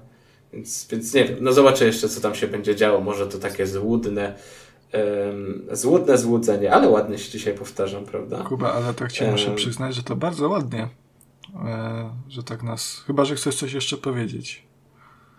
Nie, proszę, Nie, proszę. A co, bardzo ładnie? Chciałem powiedzieć, że bardzo ładnie nas tutaj wprowadzasz. E, wprowadzasz nam do podcastu taki romantyzm. E, ponieważ oto nadeszła pora Kuba na wielką impro- improwizację Konrada. Słuchaj. O nie, będziesz czytał ten. em, Nie, nie będę dziadów czytał. Ja Fra- jestem dziadem, Kuba. I am the dziad now. nie, no myślałem, że będziesz Piczymirę czytał. Jak Nie, nie, nie, nie, nie. Będę opowiadał o grach, bo jakoś tak się podziało, że Katpra z nami nie ma, mimo że miał być. Miał opowiedzieć o Final Fantasy VII Remake e, Inter... Intermission? Czy jak to tam się nazywa? E, miał opowiadać o e, swoich doświadczeniach z Analem, Wake'em. Znaczy, no wiesz, no ja jeszcze grałem, kurczę, w, w gry, o których nie mogę po prostu opowiadać. No i to jest, to, to, to, jest ból. No i w Fortnite'a też trochę grałem, więc... O, opowiem Ci o jednej gierce, ale to tak w międzyczasie. To, to w plotę. Zobaczysz, niespodzianka będzie. Sensacja, Dobra. gra darmowa. Dobra, to kurde, widzisz, słuchaj. Teraz moje oczekiwania, przyznam, jak po tej zajawce, to wystrzeliły w kosmos. E, no zresztą tak, tak samo jak i ja, ponieważ e, ostatni tydzień w zasadzie e, spędziłem właśnie w kosmosie, grając w Everspace 2, e, który jakoś, którego 12 czy, czy w, tak, w, takich, w tych okolicach w połowie sierpnia ukazał się w końcu na konsolach, na komputerach osobistych Everspace 2 dostępny był już od no, przeszło dwóch lat. On, on startował w 2021 roku, ale to chyba jeszcze jako, wydaje mi się, e, Early Access, nie? Czy ty kojarzysz Też to? mi się tak wydaje, chociaż e, nie wiem. Mam takie poczucie, jakby to było wczoraj, że się ten Everspace pojawił, te dwa. E, że to dopiero chwilkę temu, a ty jak mówisz, że dwa lata już, to trochę się czuję przerażony. Hmm, E, czekaj, już ci mówię. Y... Tak, bo tam było, było w sumie, no dobra, to tam było jakieś, jakieś demo i, i ten, to mnie Google okłamał, e, ale faktycznie taka pełna wersja e, ukazała się w kwietniu, 6 kwietnia tego roku na komputery. Natomiast teraz w końcu nadeszła pora na potężne konsole. Xboxa Series X i S i PlayStation 5 Everspace 2 wlatuje na nie z prędkością statku kosmicznego z prędkością nadświetlną. Um, a widzisz, Kuba, bezdźwięcznie, bo w kosmosie nie ma dźwięku, ponieważ tam jest próżnia. Głup się gałganie, ty jeden. E, Jak w trójkaście. I cóż, ja Albo jak na trójkastowym Twitchu. Bo nie chcesz nagrywać. No ale bardzo proszę. Ja chcę nagrywać, tylko no nie wiem, no jakiś taki był okres. Też miałem mało czasu na nagranie, przez co też tych niestety. Sze- Sześć gierek masz, tak? To, jest to było mało czasu na No bo granie. jeszcze na pograne miałem gry do recenzji, miałem inne O, rzeczy, Kłamiesz, więc, kłamiesz jak w y, poprzednim odcinku. No od razu przyznaję, bez bicia tej i kolejnej gry jeszcze mi się nie udało skończyć. E, Natomiast pograłem w To tym pewnie, najlepiej tak o, na, na otwierać, na rozpoczynać tak o, i zostawić Umówmy się, no, no to, to są na tyle, wiesz, y, na tyle pograłem w te gry, że uważam, że bez problemu mo- mogę je umówić. Em, Mogę je omówić, może to nie będzie, nie wiem, mogę tego nie nazywać recenzją, natomiast chciałem wam o nich opowiedzieć. Em, tak, i Everspace 2. E, ja lubię tego typu produkcje, właśnie takie, takie latanie stateczkiem w kosmosie, bo też o tym ta gra traktuje. Em, sobie latamy, prawda, strzelamy, to jest e, tak jak, nie wiem, troszkę jak taki TIE Fighter, jak ten e, Wing Commander, X-Wing, e, X-Wing to jest? X-Wing. E, Z tych takich st- staroszkolnych, z tych nowszych, no to można to porównać do, jak to się nazywało? Kronos? Ty w Tak, tak, tak. tak, do Kronosa, nie? Albo Korusa. Kor, Korus. Horusa. Horus, tak. O, dobrze, wymyśliliśmy już tytuł gry, także do, do, tej, do tej gry można to porównać. Jeszcze, że mi się takie rzeczy zdarzają, to nikt nie będzie zaskoczony, ale że tobie, Konrad, zapominają Ja nie wiem, tytułów? ostatnio, ostatnio Daj strasznie nie mam głowy do, do tytułów gier i Starzejesz ja nie wiem, co się dzieje ze mną. Już chyba to jest ten wiek. world. To jest ten wiek. Ja zapominam dat, zapominam tytułów. e, początki Alzheimera może. Mam nadzieję, że mojej żony nie zapomnę, no to by było straszne. Kota mógłbym. A dodajesz cytrynę do herbaty? E, nie pijam herbaty. W ogóle nie pijesz herbaty? Nie bardzo. Ma, Madzia jest taka herbaciana bardzo, także No pewnie, szafki tylko mamy pełne piw- herbaty. Piwsko, piwsko pełnie po całym dniu. A do piwska mi cytryna tak średnio pasuje, nie? Więc no... Yy, cóż. E, I tak, yy, Everspace 2, bo już tak wodzimy o tym, yy, to już jest w przeciwieństwie do tego Horusa, bo Horus był taki bardzo bardzo mocno fantazy, nie? Tam było więcej fantazy niż e, takiego science fiction bym powiedział, bo tam były te moce, Tam które były takie wątki nadprzyrodzone. Tak. Tak, że znikać, pojawiać się za przeciwnikami. No to Everspace 2 to już jest takie mocne science fiction. Mm, Do tego wręcz poziomu, że y, tu są jakieś inne rasy kosmiczne, ale, ale to jest ograniczone do kompletnego minimum. Mm, I to jest w sumie dziwna gra, bo ona stoi w takim rozkroku, yy, właśnie pomiędzy tym, czym jest Horus, a, czym, a tym, czym na przykład jest yy, Jezus, jak to się nazywało? Yy, kurwa, i, Eve chyba, tak? To, Tak. to by, była, była taka gra. Kuba, powiedz mi. To takie, to takie duże online. No właśnie nie chodzi mi o to online. A, no ale to. Dobra, no nie wiem, Bardzo powiedzmy. dobrze. Star Citizen. W sensie o co mi chodzi? E, Horus jest bardzo mocno arcade'owy i to w żadnym razie nie jest symulator latania statkiem. Natomiast e, Star Citizen to, to już jest e, taki już chamski e, symulator zabawy stateczkiem. E, te wszystkie gry typu, typu Eve. E, spróbuję to może znaleźć. A po prostu lecisz z jednego miejsca w drugie i to trwa i trwa i Tak, tam... dowozisz jakieś jedzonko, jakieś ubrania, paczki. E, No, czyli tutaj po prostu mamy taką kosmiczną szczelankę. Piu, piu, piu, piu, piu. tak, to jest taka, taka miła zabawa. I, i, i cóż ci powiem. No ale to Też też bardziej jest. taki zręcznościowy jest ten Tak, to jest- to jest- gameplay. To jest coś pomiędzy, ponieważ sam gameplay jest y, dość mocno zręcznościowy, natomiast już em, tam, tam są takie właśnie elementy, które przybliżają to do bycia symulatorem pilota statku kosmicznego. Latamy sobie, są te zlecenia, gdzie e, na przykład musimy dostarczyć jakąś tam ilość odpowiedniego surowca, polecieć gdzieś, zniszczyć jakąś bazę, więc jeżeli ktoś chce, może poświęcić tutaj naprawdę bardzo dużo czasu na eksplorację e, wszystkich tych galaktyk, e, planet, jakichś nieodkrytych jeszcze miejsc. I będzie się bardzo dobrze bawił, natomiast no to nie jest taki symulator symulator, to, to jest mimo wszystko bardziej gra zręcznościowa mm, i to też nie jest do końca gra, która jakoś mi się bardzo podoba. E, Ja Everspace 2 słyszałem bardzo dużo dobrego i, i wręcz y, same pozytywne opinie, natomiast zacząłem w to grać. A grałeś w jedynkę? E, nie, nie grałem. A ty grałeś? Grałem. Grałeś? I jak? Jedynka. Podobała ci się? Bardzo, bardzo, bardzo przyjemna była. No, taka mm, wyzywająca, A, no to, wymagająca. no to, Właśnie tutaj chciałem, chciałem, chciałem zapytać, bo w przypadku jedynki tam duży nacisk kładli na to, że to jest właśnie roguelike. Yy, a w dwójce w opisie tego nie widzę, że Nie, to, to jest nie jest- jakieś to- to nie przeskoczenie jest- na RPG. tak, to jest, to jest klasyczny RPG, to jest gra fabularna. E, Ta fabuła też, przyznam szczerze, no nie jest jakoś interesująca, no. No ja właśnie nie wiem, czy to tej grze nie zrobiło na złe, bo jak mamy takie przyjemne latanie stateczkiem i robienie piu piu piu piu piu, to jednak no dla mnie roguelike lepiej pasuje niż RPG do takiego schematu rozgrywki, gdzie tam wiesz, przemierzasz Nie kolejne- powiedziałbym, nie powiedziałbym, nie, Nie? niekoniecznie, nie, nie, nie, nie, nie.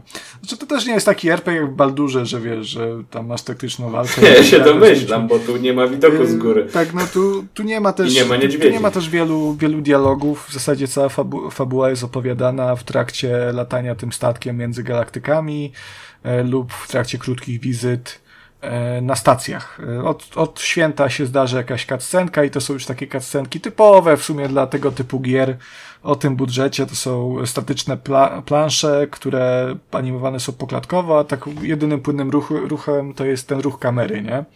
który gdzieś tam symuluje, e, że coś tam się dzieje. Że to nie jest tylko po prostu statyczna plansza.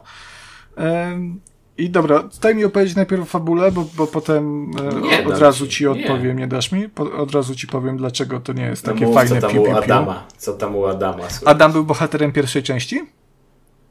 Czy... Tak. tak. Znaczy, Adamów było wielu. Tak, było wielu i w jednego z wielu Adamów wcielamy się właśnie w Everspace 2. E, ponieważ jak się, znaczy na początku, w pierwszej misji, prologu, wydaje się, że jesteśmy właśnie Adamem Roslinem, e, czyli jednym tam z zatrudnionych przez korporację GNB, e, no pilotów, pilota myśliwca. Jesteśmy wysłani na misję, tam sobie fajnie strzelamy, gdzieś tam do wnętrza planety wlatujemy. No nagle chuj bombki strzela i zostajemy pojmani przez jakichś tam banitów. Mm, no i z tego z niewoli bardzo szybko w sumie w cutscence uciekamy, przy okazji zabierając naszego rannego kumpla i poznanego e, w, w, w trakcie naszej niewoli no jakiegoś randomowego ziomka, który potem się okazuje, że jest może kimś tam jednak ważniejszym niż, e, niż na początku Czyli moglibyśmy. Elder Scrolls. Tak jest, no tak jeszcze Dedry brakuje i bogów, no tu, tu tego nie ma niestety. I cóż, no to szybko się okazuje, że jesteśmy właśnie tymi, jednym z tych klonów e, Adama Roslina. E, I w zasadzie potem tak naprawdę jak gram w tę grę i tak w zasadzie nie wiem do czego w sumie dążę, jaki jest mój taki główny cel, bo dowiedziałem się, że jestem klonem i, i od tamtego czasu sobie latam, rozbudowuję e, swoją kryjówkę, gdzieś tam mi wiesz, po drodze kogoś jeszcze spotkałem, gdzie gdzieś tam jeszcze lecę, ale to jest taka fabuła z tych takich kompletnie zapominalnych. To gdzieś to jest w tle, ale ani się tego nie chce słuchać, ani to jakoś tak nie, nie potrafi gracza zainteresować. E, więc no, jeżeli chodzi o fabułę, to, to nie, nie powiem wam tak naprawdę więcej o czym to jest, bo no kompletnie mi to wylatuje z głowy. To jest kompletnie nieinteresujące, co tam się dzieje. Jakieś pomniejsze takie... Ale to potwierdza moją tezę, że to jednak jest model rozgrywki lepszy po drodze. Nie, nie potwierdza twojej tezy, to tylko potwierdza to, że scenarzyści Everspace'a 2 nie wykonali zbyt dobrej roboty, bo jeżeli napisaliby naprawdę dobrą fabułę, no to ona by potrafiła chwycić. No Horus jest świetnym tego przykładem. Tam było świetne piu-piu-piu stateczkiem, ale fabuła też była intrygująca. A tutaj to jest takie, wiesz, gdzieś tam są jacyś banici, tu jest jakaś korporacja, ci walczą z tym, jakieś były wojny kiedyś. Jest taki, no nie wiem, no Mass Effect dla ubogich tak naprawdę. Yy, kompletnie mnie to bardziej mnie interesowały tak naprawdę zadania poboczne, które też nie, nie są jakieś wybitnie interesujące fabularnie, no ale, ale są, przynajmniej wiedziałem co robię cały czas. A tutaj, a tutaj y, się niestety tak y, włóczę po tym wszechświecie i wykonuję po prostu questy tak trochę automatycznie. I najbardziej boli mnie tutaj to, że samo to latanie tym stateczkiem jakoś niezbyt przypadło mi do gustu. W sensie, trochę nie wiem dlaczego mi się to nie podoba, bo teoretycznie tutaj e, jest wszystko to co zawsze. Jest, jest eleganckie latanie, są uniki na boki, e, można wchodzić w prędkość nadświetlną, podświetlną, także można się szybko przemieszczać, są różne typy broni. E, ten statek sobie możemy wyposażać, możemy sobie kupować nowe statki, które inaczej latają, które mają inne bronie, więcej broni mają. E, natomiast dużo przeciwników jest różne rodzaje, prawda, różne typy amunicji.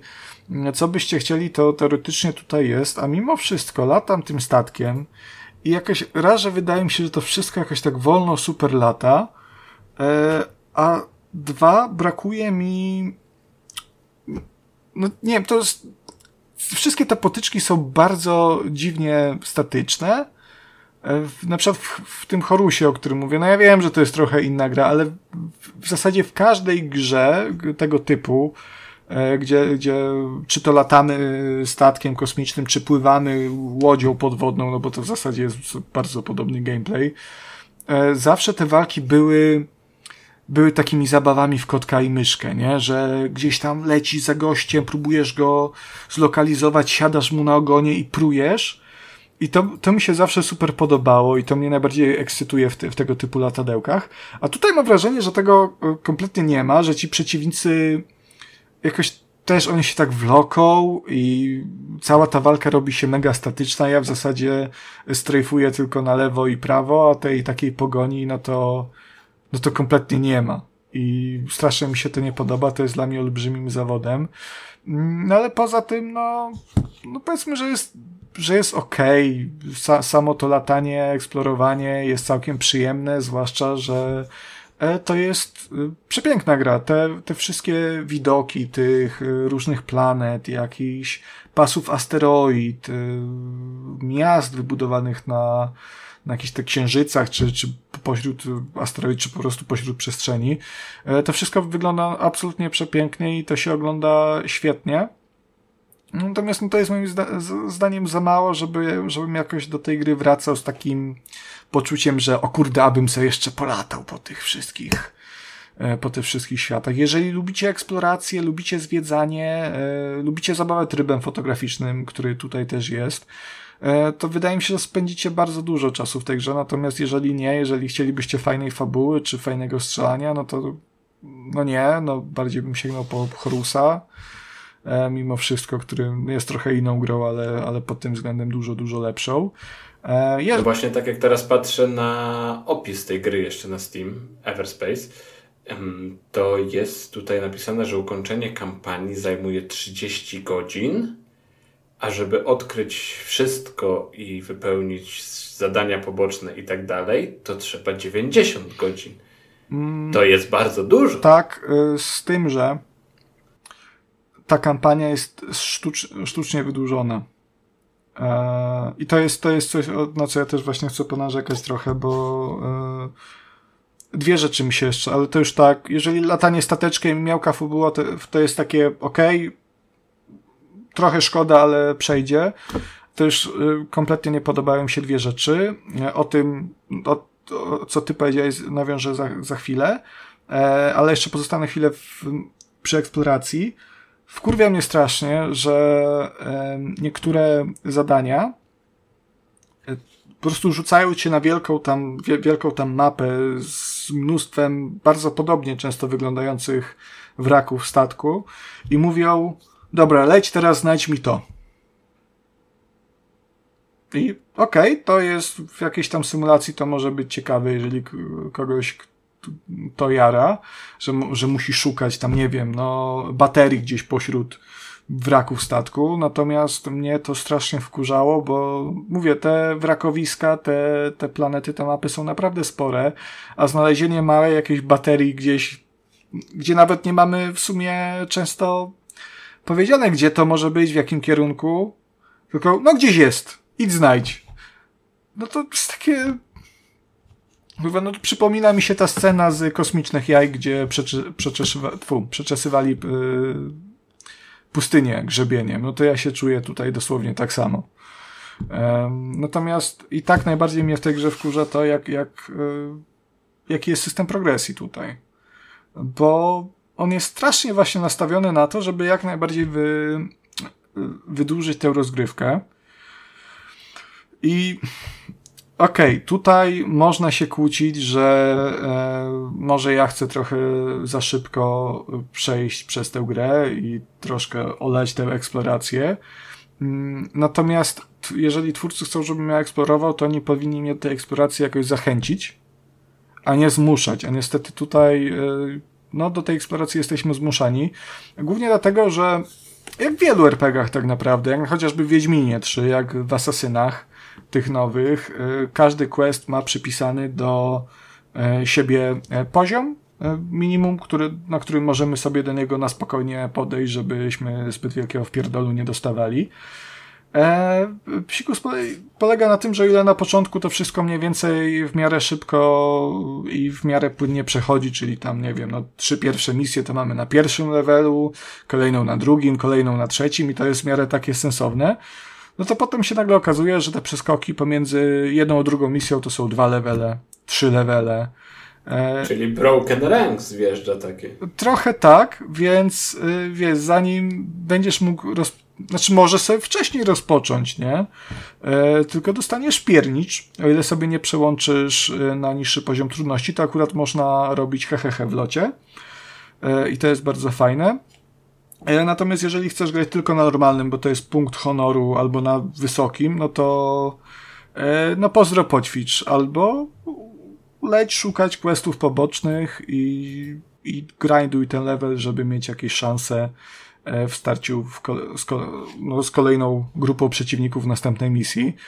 E, I to też nie jest tak, że wiesz, bo w grach typu Wiedźmin, czy w Assassin's Creed, no Odyssey, nie, bo akurat z tych nowych w tego grałem, e, tam też były te levele, tam też był podobny system progresji, natomiast w trakcie rozgrywki znajdowaliśmy na swojej drodze tyle questów, że jakieś to grindowanie nie było takim problemem, nie? No bo miałeś od pierdyliarda questów, więc jak trzeba było tam dobić jeszcze level, może, może dwa, co się zdarzało też w sumie rzadko, e, no to już mieliśmy w dzienniku zestaw zadań, o którymi możemy się zająć. Tutaj nagle się okazuje, teraz jestem trzy levele pod minimalnym poziomem kolejnego zadania i mam zero jakichkolwiek zadań w dzienniku, bo ich jest bardzo mało w sumie, e, takich, które, które znajdujemy w trakcie przeskakiwania między misją a misją. E, musimy no, ich szukać i to jest strasznie wkurzające moim zdaniem. Jakby... Ja chcę nic mówić, no. ale kolejny raz kłaniam się ku temu, że właśnie to wprowadzenie RPG do tego modelu rozgrywki nie było dobrym rozwiązaniem, bo jeżeli to by był sobie roguelike, to by było piu piu piu, zdobywanie jakiegoś tam, tam złotka i ulepszań e, z każdą kolejną porażką, a, a nie sztuczny grinding i, i zdobywanie poziomów. Nie. Także dalej stawiam na swoje. Kuba, ja nie chcę nic mówić. Ale ja dalej podtrzymuję, że nie, bo Horus, który się tu pojawia cały czas, również miał poziomy, również miał zadania poboczne i Tutaj nie jestem pewien, ale chyba też miał przypisane poziomy do zadań. Natomiast tam ani razu nie miałem, wiesz, potrzeby, nie musiałem po prostu yy, grindować zadań pobocznych, żeby wylewelować postać i móc sobie poradzić z przeciwnikami. Tam po prostu robiłem zadania poboczne, bo chciałem, bo fabuła była ciekawsza chociażby. E, I wiesz, nie było takich przeskoków i tam było to wykonane dużo, dużo lepiej. Mi się wydaje po prostu, że Everspace 2 mm, nie jest do końca przemyślano pod, pod względem rozgrywki i produkcją. W ogólnym takim rozrachunku ona, ona jest ok, ale, ale tam jest bardzo dużo rzeczy, które są strasznie upierdliwe.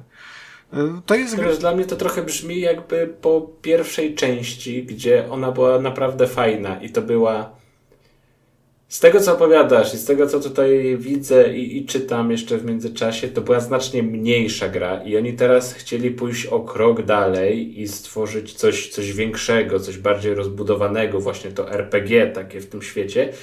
I z tego, co mówisz, to oni chyba sobie po prostu nie poradzili z gatunkiem. Tak, tak mi się wydaje.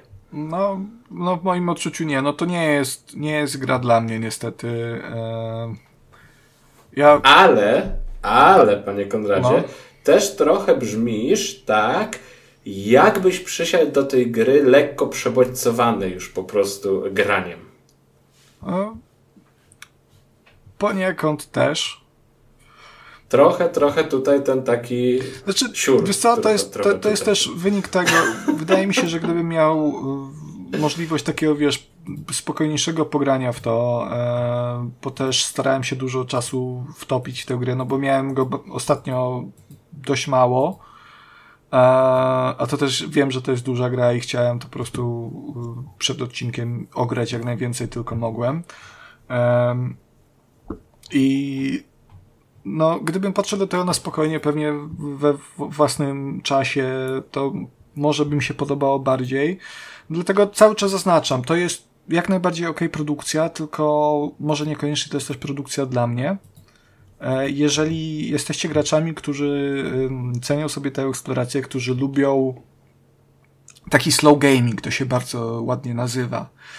E, czyli, że tutaj sobie wsiądą do stateczku, tam sobie polecą, tu jakiś zobaczą nieznany sygnał, to tam sobie skręcą, zobaczą co to jest, czy tam jest zasadzka, Ale to jest czy... całkowite patrz, przeciwieństwo tej pierwszej części właśnie. No, to, mnie, to mnie aż tak szokuje, bo tam było, wiesz, tam wsiadasz statek i masz swojego rana i jak najdalej, jak najwięcej zabić, jak najbardziej się wzmocnić i powtórka, i powtórka, i powtórka. I tam była ta, ta taka gameplayowa pętla fajna. No. To wiesz co, chyba mnie zachęciłeś do tej pierwszej części w sumie. Bo tak grając tę dwójkę, tak się zastanawiam, w sumie może bym sprawdził tą jedynkę, bo lubię te latadełka, a, ale no nie wiem, nie wiem.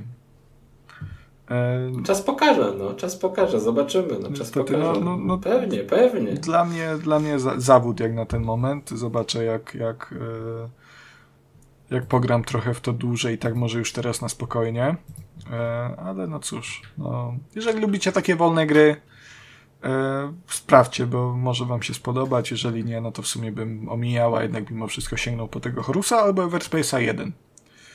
E, cóż.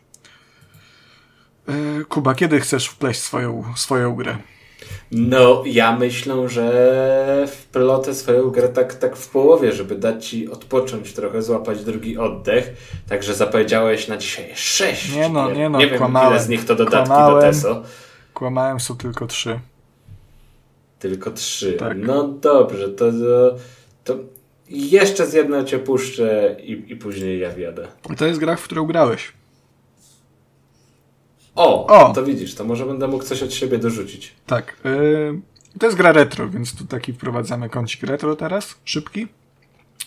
Ojej, Oje, ty ojej. grałem i retro, to ojej. teraz już się bardzo myślę, myślę, co to może być. Kuba, czy ty lubisz chodzić? Przy... Ja. w sensie nie, nie, że nie pytam cię, czy wiesz, czy, czy, czy wolałbyś czy na wózku jeździć, tobą, tylko czy, czy, mnie... czy, lubisz spacery. A nie, ja myślałem, że ty mnie prosisz o chodzenie, że będziemy parą. Nie, nie, nie. A... Ja właśnie się bałem, że wiesz, że, że pomyślisz, że ja ci grożę teraz, nie? Że... Aha, że w tę stronę, że, że chcesz mnie unieszkodliwić. Tak, tak. To, to, to inaczej odebraliśmy sygnały. Jeden z nas jest romantykiem, ja myślałem, drugi brutalem. Z no. uczuciem, a, ty, a ty do mnie pałą. No, słuchaj, łobuz kocha naj, najbardziej, nie? No. no w sumie tak, w sumie tak. No dobrze, co tam to, masz? To lubisz chodzić, masz? czy nie to, lubisz to... chodzić? Yy, lubię, wolę chodzić niż biegać. No i kapitalnie, Kuba, bo cię zabiorę teraz w najdłuższą podróż. A. A. Tudzie znaną również jako The Longest Journey. E, czyli w sumie pod tym samym tytułem, tylko po, w języku Shakespeare'a. Um, Ojej, to ty mówisz, że ja w to grałem. Ja w to no grałem no tak. 22, 3 lata temu. Tak bym szacował, mniej więcej.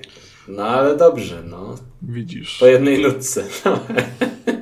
To jest, to jest gra, która mnie bardzo zaskoczyła pod wieloma e, względami. Pod względami swojej pojeb powatości. Nie po, wiem, czy dobrze po, to... Po czym? Poje... Od pojebania chciałem przymiotnik utworzyć. Czemu, ale czemu? Nie podobało ci się to, czy co? E, nie, bardziej w tym sensie dziwności tej gry. E, tak, to jest to jest produkcja dziwna pod naprawdę wieloma względami. E, zacznijmy od, od kompletnie od, od, podstaw. Co to jest? E, The Longest Journey to jest przygodówka, klasyczna point and click, e, od Fancomu, wydana w 1999 roku, przynajmniej w Norwegii. To jest norweska gra w ogóle, poza Norwegią dopiero w 2000 się ukazała. E, I to chyba jedyna norweska gra, prawda? Nie, nie wiem, czy jedyna, ale chyba nie jedyna. E, natomiast ona się ukazała w Polsce, tu jest też, też polski dublaż. E, na, na Gorzku można to kupić e, po, po stosunkowej taniości. Też od Gorzka dosta, dostałem tę grę, także serdecznie dziękuję. Ja sobie z polskim dubbingiem e, dałem spokój, tylko ja się kapnąłem, że tu jest polski dubbing i przełączyłem na wersję angielską. Ona hmm, też tak może nie jest wybitna, bo... ale no umówmy się. Zastanawiam się, czy ten dubbing był zawsze, czy on się gdzieś pojawił z czasem, bo ja sobie nie przypominam, żebyśmy my mieli lata temu tę grę w polskiej wersji językowej, dlatego ona jeszcze była trudniejsza. A, mia Ale a miałeś oryginał? No, czas pokaże, no, no zobaczymy, zobaczymy, czas pokaże. No. No, no właśnie. No właśnie. Znaczy to też były takie czasy, że te wersje językowe, y, jeżeli już, jeżeli się ukazywały, to często też ukazywały się e, po premierze jakiś czas, nie? Czyli wychodziła nawet w Polsce gra, a była po angielsku, a parę miesięcy później ukazywała się wraz y, ze spolszczeniem. To takie w ogóle ciekawe czasy. E, No tutaj już w wersji z Goga to ta polska wersja jest. Niestety nie można włączyć samych napisów, albo dubbing polski, albo z napisami polskimi, albo dubbing angielski z napisami angielskimi. No jako, że językiem Szekspirem em, władam w stopniu zadowalającym, to zdecydowałem się na jedyne słuszne, e, słuszne wyjście. W ogóle z tego co widzę, ta gra jeszcze na iOS-a wyszła w 2014 roku, co ciekawe. No ale oryginalnie to było dostępne tylko na PC-tach. Em, I osobiście uważam, że to jest gra, jeżeli lubicie przygodówki, to, a nie graliście z jakiegoś powodu w The Longest Journey, bo to jest w sumie gra kultowa tak naprawdę, je- jeżeli dobrze rozumiem, y, to czym prędzej należy to nadrobić, bo to jest chyba najlepsza przygodówka, w jaką grałem, szczerze powiem. Uuu, no, mimo że to grubo. Czy, wiesz, to te, też jest tak, że ja nie jestem jakimś dużym fanem gatunku, e, natomiast parę przygodówek grałem i to w parę też tych klasycznych, w trochę A w nowszych. Syberię grałeś klasyczne? E, W co? W Syberię? E, Próbowałem. Gdzieś tam odpadłem szybko, ale, ale będę na pewno próbował, no bo to też jest mimo wszystko kultowe, więc chciałbym to poznać. E, Poszukać No tych, mi się wydaje, że te, że te gry właśnie toczyły ze sobą bój w tamtych W podobnych latach troszkę. to wyszło, nie? No. Ale wiesz co, w sumie one też pod względem mm, fabularnym są podobne poniekąd. Bohaterka jest. Jest, prawda? jest pani, tak. Yy, tutaj ona się nazywa April, April Ryan. Mm, ale też, wiesz, to jest taka połączenie tego dziwnego świata z taką obcą technologią. Tutaj to jest bardziej cyberpunkowe, ale takie w, takiej, w takim bardzo takim biednym cyberpunku. To nie jest taki, wiesz, jak, jak, jak na przykład w cóż, w cyberpunku, nie? Czy w jakichś tych, tych takich nowych grach. Tylko Ghost Runnerzy. Ghost Runnerze, tylko to jest taki świat e, cyberpunkowy. Mm, troszkę jakbyśmy go widzieli, nie wiem, w, jakimś Robocopie czy czymś takim, nie? W Shadowrunie na przykład. W czym? W Shadowrunie? Shadowrunie. Poniekąd też. On jest taki bardzo kanciasty, y, mocno oparty na dieslu, to można by było w sumie nawet gdzieś tam pod dieselpunka trochę podciągnąć, jakby ktoś się mocno postarał i mocno zmrużył oczy. A co ciekawe, no podobnie jak w Syberii, bo w Syberii tam był ten fantastyczny też tam element, nie? O ile mnie pamięć nie myli. Taki poniekąd przynajmniej. Jakieś takie nadprzyrodzone wątki na pewno się Tak, dzieją. no natomiast tutaj w The Longest Journey to poszli na pełnej kurwie tutaj. To oni się tutaj nie, nie brandzlowali się. No właśnie, ja tak sobie przeglądam, e, przeglądam, przeglądam screeny. Teraz ja już nie pamiętam, co tam się fabularnie działo, ale czy tu była jakaś podróż w czasie? E, nie. Bo widzę, że tak, raz są jakieś, nie wiem, statki kosmiczne, lasery i, i takie rzeczy, Kuba. raz jakieś smoki, duchy, feniksy, latarnie morskie, raz pirackie statki, raz pokój, no taki mieszkaniu współczesnym, raz jakieś średniowieczne targi, tu się dzieje, No widzisz. nie To jest tu, turbo... świątynia mnicha, magów, różne rzeczy się I to jest, dzieją. No. to jest rzecz, która mi się najbardziej w The Longest Journey podoba, to jest właśnie świat. Um, Kuba, to jest teraz u mojego ulubionego porównania użyję. Musisz, powinieneś wrócić do tej gry, bo ona ci się spodoba, bo ona jest trochę jak Arkanum. Że ledwo działa. E, o tym za chwilę. Znaczy, to się śmieje, ale to jest połączenie, faktycznie połączenie takiego science fiction z, e, z fantastyką. Tylko tutaj to nie jest takie połączenie bardzo, bardzo płynne, że to wszystko jest w tym samym świecie, jak to nie jest Shadowrun na przykład. E, tylko tutaj mamy dwa światy. E, I sama konstrukcja w ogóle świata tej gry, e, historii tutaj opowiadanej jest naprawdę intrygująca, ponieważ e, akcja gry dzieje się mm, nie, właśnie nie wiem jak to do końca na, na dwóch płaszczyznach, na dwóch współistniejących obok siebie światach, Stark o, i Arcadii. Nie do końca, nie, bo to są to jest, to jest tak, jak, jakbyś wiesz, jakby różne planety, no bo The Medium to było wszystko to samo, tylko inaczej, tu jest wszystko inaczej, nie? Mimo, że to niby to samo. E, jest ten podział na, na Stark i Arkadię. Stark to jest, e, to są te właśnie czasy współczesne, cyberpunkowe, w których e, urodziła się i żyje April Ryan. To jest tam początek bodajże, o ile mnie pamięć nie myli, czekaj, sobie, sobie sprawdzę, czy tutaj gdzieś to mam napisane. To jest jakaś tam przyszłość. To jest chyba początek XXI wieku, coś takiego. Um, w mieście, które się nazywa Newport. To jest takie amerykańskie miasto, wzorowane trochę chyba poniekąd na Detroit, ale tam jest wszystko tak naprawdę. Tam jest i jakieś Detroit, i trochę to wygląda jak Nowy Jork. Momentami część w ogóle dzielnicy, w której e, mieszka April, e, nazywa się e, Południowa Wenecja, bo tam są kanały, tylko to są dosłownie takie kanały. E, dzielnica dla, dla biedoty.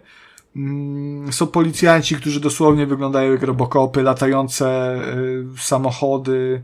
Mm, no, cuda niewidy po prostu. Natomiast drugim światem, e, do którego April, April uczy się przedostawać, jest, jest właśnie Arkadia. Czyli to jest ten świat średniowieczny, ten świat taki fantastyczny. E, który, no tam już mamy klasykę, nie? No właśnie te, te, ten targ, e, piratów, porty, jakieś magiczne stworzenia, ludzi kretów, baby jagi, smoki, co sobie tylko e, wyśnisz. Gadające drzewa są na przykład. I ca całość tej fabuły skupia się na tym, że jakby te światy łączą jedność, kiedyś łączyły jedność, tutaj nie będę się wgłębiał w tajniki fabularne, bo to jest fajnie poznać samemu, natomiast ogólnie chodzi o to, że e, i pojawia się zagrożenie e, dla balansu, dla równowagi pomiędzy tymi dwoma światami, światami e, nauki, światami magii. No i April, April jest osobą, e, jako w sumie jedną z nielicznych, albo może jedyną, e, jest tak zwanym shifterem, czyli osobą, która, o czym jeszcze nie wie, która potrafi się pomiędzy tymi światami dowolnie przeno przenosić. E, I ona też zapowiedziano w przepowieściach, że e, no, ona ma przywrócić gdzieś temu, tej równowadze cóż, no równowagę, nie? No, w każdym razie mamy uratować świat. no chodzi o to, żeby uratować oba światy, nie? E, I poznawanie tego wszystkiego, e, poznawanie jak, jak, jak działa e, to cyberpunkowe Stark, co tam się odpiernicze, jakie dziwne zasady są w tej średniowiecznej, fantastycznej Arkadii, to jest bardzo, bardzo fajne, chociaż tutaj też przyznam, że jednak ten, ten futurystyczny świat bardziej mi się podoba. Głównie z tego względu, że w sensie on jest takim troszkę komentarzem na rzeczywistość bardziej niż ta Arkadia, bo Arkadia i mnie pierdolenie jest, bo w tej Arkadii to wszyscy po prostu takie monologi sadzą i tak opowiadają, no najgorszy to jest ten po prostu ten yy, mnich w tej świątyni, jak on tam łomocze, jak on gada Gorzej i niż gada. Konrad z Tak, to jest ja myślę, że oni mogli mnie, jego na nim wzorować, zanim ja się jeszcze na świecie pojawiłem. Znaczy już wtedy byłem, ale byłem bardzo mały. E, także no czasami te dialogi no potrafią, potrafią być męczące, bo one są bardzo, bardzo długie. E, ale warto ich słuchać, bo w nich też jest mnóstwo podpowiedzi, gdzie powinniśmy się dalej udać, e, co powinniśmy zrobić, co może być rozwiązaniem zagadki. Tych zagadek tutaj jest całkiem sporo, i w większości one są raczej sensowne, Chociaż trafiają się też takie, które no, musiałem się Czy po pamiętasz zadanie z kaczką gumową? Kurwa, tak. Ja w ogóle... Bo to jest... Ja traumę mam. To, to, ja to zadanie, tylko to zadanie pamiętam. Znaczy pamiętam też zadanie z małpką i talerzami. A z, z, z małpką e, i z talerzami było akurat takie w sumie fajnie zapowiedziane. i sensowne. To pamiętam, no i pamiętam tę kaczkę. Ale ta kaczka to jest po prostu. mi się śni. Ja, ja w ogóle, że tam jest jakakolwiek kaczka, to ja się dowiedziałem z poradnika, bo już łaziłem po prostu po, po tym no mieście. Właśnie. Myślę, no nie, no kurwa, no wszędzie już byłem, ze wszystkimi pogadałem. Patrzę i to jest w ogóle ciekawie ułożone, bo yy, kaczka jest w drugim rozdziale. Ja myślę, że jeśli pamiętasz, to śmiało możesz opowiedzieć dokładnie o co tam chodziło, bo to już nic tutaj nikomu no, nie zaspoilerujesz. Właśnie mówię, bo jest tak, kaczka się pojawia w drugim rozdziale. W pierwszym rozdziale w pokoju April jest okno, możemy sobie otworzyć, wyjrzeć za nie i April mówi, że no w sumie tam nic nie ma, tam jest ściana, nie? Więc w drugim rozdziale, jak zaczynasz rozdział znowu w tym pokoju, to w sumie co mnie to gówno okno interesuje? No ściana tam jest z cegły, nie? No a się potem okazuje, że jak się w drugim rozdziale wyjrzy za okno, to tam będzie kaczka. to nawet nie jest kaczka, to jest dmuchane takie koło y, do pływania w kształcie kaczki e, i tam trzeba, w ogóle te, też, to jest też piękne, trzeba na kaczkę rzucić chleb, żeby kaczkę rozdziobała, rozdziobał gołąb i żeby kaczka utonęła, a potem obcęgami trzeba obciąć yy, łańcuch, żeby wyciągnąć łańcuch i dostać kaczkę i linę. Więc. Yy... No to właśnie to jest ten quest, do, który mi się ciągle gdzieś tam tak, no to był jeden. Znasz moją pamięć i wiesz, jak on, jakie on musiał po prostu wywrzeć na mnie wrażenie, że ja ciągle go pamiętam. Tak, no to, to jest jeden z takich gorszych questów. Drugi, chyba też w sumie drugi rozdział to był, to był e, z panem policjantem. Jeszcze przed małpką.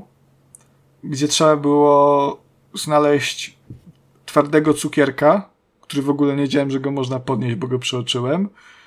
E, I wy, wy, obtoczyć go w jakiejś mazi z kanału, dać to policjantowi i wtedy się przyklei do policjanta i w sensie nie będzie mu smakowało i on to wypluje.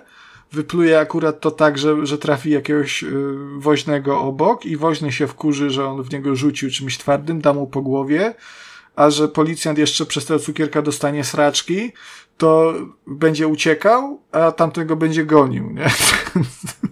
Ale to jest trochę tak, że tam się już w pewnym momencie no sięga po poradnik. Zgaduję, że sięgnąłeś więcej niż raz. Tak, tak, tak. ale też jest tak, że po prostu klikasz wszystkim na wszystko w nadziei, że trafisz, co nie? To, to jest tak e, troszkę. Tak, ale też ja mówię, nie, jeszcze nie skończyłem tej gry, bo to jest zajebiście długa gra. I dosłownie dzisiaj grając jeden rozdział spędziłem w nim chyba trzy godziny a tych rozdziałów jest 13, nie? I one tam się pod koniec chyba robią po prostu krótsze, ale, ale na razie to jest naprawdę najdłuższa podróż. E, nie żartowali z tym tytułem. E, no ale to gra się w to dalej fajnie, nie? I, i tyle, ile, ile grałem, a grałem do, dość sporo. Mm, te, jak na razie wszystkie te, znaczy no wszystkie, no większość tych zagadek była w miarę sensowna wytłumacze, wytłum sensownie wytłumaczona, jeżeli słucha się tych dialogów, słucha się to, co April mówi o przedmiotach. I gdzieś tam metodą prób i błędów, czasami szybciej, czasami krócej, można też do tego dojść, jeżeli coś jest yy, trudniejsze. Um, także, także to jest na plus. No jasne, zdarzają się takie turbo trudne, ale i, i dziwne, ale to już jest no, trochę przywara tamtych przygodówek z tamtych lat. Tutaj nie jest źle na szczęście. Tutaj nie łączymy jakiejś tam kaczki z y, psem i chomikiem za pomocą gumy do rzucia, żeby y, zdjąć klucz z drzewa. No, takich tutaj dziwnych rzeczy nie ma. I tak, y, jeżeli chodzi o. No i bohaterowie to są w sumie bardzo fajni, e, w zasadzie wszyscy. Mm, bardzo... Oprócz mnicha. Co? Oprócz mnicha. Y, no, mnich jest taki, no tak średnio. No, ja, tak jak to mnich, nie? Tak, głupoty gadaj. E, tak, i, i już tak kończąc, jeszcze tylko wspomnę o aspekcie technicznym. Jeżeli chodzi o wizualia, no ta gra się zestarzała cholernie mocno. E, to trzeba mieć e, dość dużą tolerancję na mm, grafikę z tamtych lat, E, w trakcie samej rozgrywki to nie wygląda jeszcze źle, chociaż no, rozdzielczość jest dość niska. Te modele postaci też są bardzo bidne. No najgorzej wypadają przerywniki filmowe w pełnym trójwymiarze, które, no, jak, jak to pełny trójwymiar w grach z, ta, z lat 2000. No te postacie wyglądają jak prostu reanimowane zwłoki. E, natomiast no ma to swój urok, tła są ładne, czasami naprawdę zachwycające, zwłaszcza w Arkadii, e, czyli w tym fantastycznym świecie, więc, więc nie jest źle. E, psikus polega na tym, że jeżeli chcecie to odpalić na, nawet w wersji gogowej e, na nowym systemie, na przykład Windowsie 10, jak to było w moim przypadku, no to musicie się liczyć z mm, pewnymi problemami. To, że sama gra odpali się bez problemu, yy, ale będą dziwne błędy graficzne, jak na przykład to, że część modeli postaci po prostu będzie miała w sobie dziury, Yy, także... Ale masz tam za słaby komputer i narzekasz. Możliwe, prawda? że tak, nie, ale w sumie uroczo wygląda to, że y, pan woźny, który w sumie jest takim przygłupem, nie ma połowy głowy, bo bo mu się nie, wy, nie, nie wygenerowała. Albo, nie wyrenderowała. Tak, albo pan ptaszek, który sobie, taki kruk uroczy, który sobie lata, to ma dziurawe skrzydła, nie? No takie urocze rzeczy. Ale wiesz, to jest już trochę tak jak na przykład z winylami, że jak masz starą płytę, to tam są ryski, no i na tych ryskach coś, coś zatrzeszczy, coś przeskoczy, coś się zatnie, no taki urok starych rzeczy. Czy ja nie mam z tym problemu? Dla mnie to jest właśnie jakieś takie, no, no nie wiem, no przyjemne, ciekawe, takie, takie mm, intrygujące. E, gorzej z tym, że no, ta gra na Windowsie 10 potrafi się czasem wydupić do pulpitu nagle, więc musiałem so, w sobie, jako że tu nie ma autozapisu, to musiałem ponownie nauczyć się ciągłego zapisywania gry. E, I teraz tak w sumie co po, po każdej rozmowie zapisuję, a, a, bo już parę razy tak straciłem dość, dość dużo progresu i musiałem powtarzać. No też dlatego poniekąd nie skończyłem tego jeszcze. Ale tak w ogólnym rozrachunku super gra, naprawdę. Jedna z fajniejszych, o nie, nie najlepsza przygodówka, w jaką kiedykolwiek grałem. Intrygująca historia, bardzo ciekawy świat.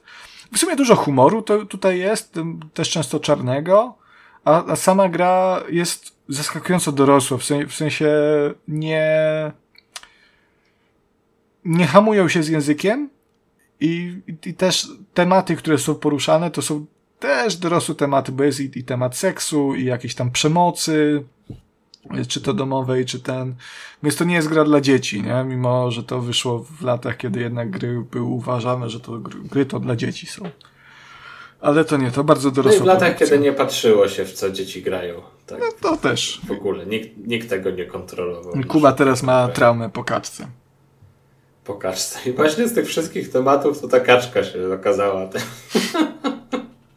tym najgorszym. Nie, no ja podejrzewam, że jeżeli faktycznie mieliśmy e, wersję angielską, to ja tam było jeszcze gorzej, żeby, żeby cokolwiek w tej grze ogarnąć i też e, na pewno się, się, jeśli cokolwiek, to bardzo mało się pamiętało i, i, i przyswajało.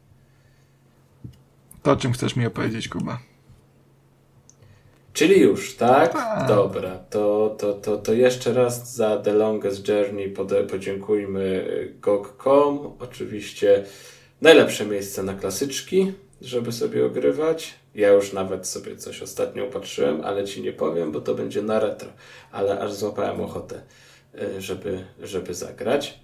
Mm, a ja ci opowiem o takiej grze.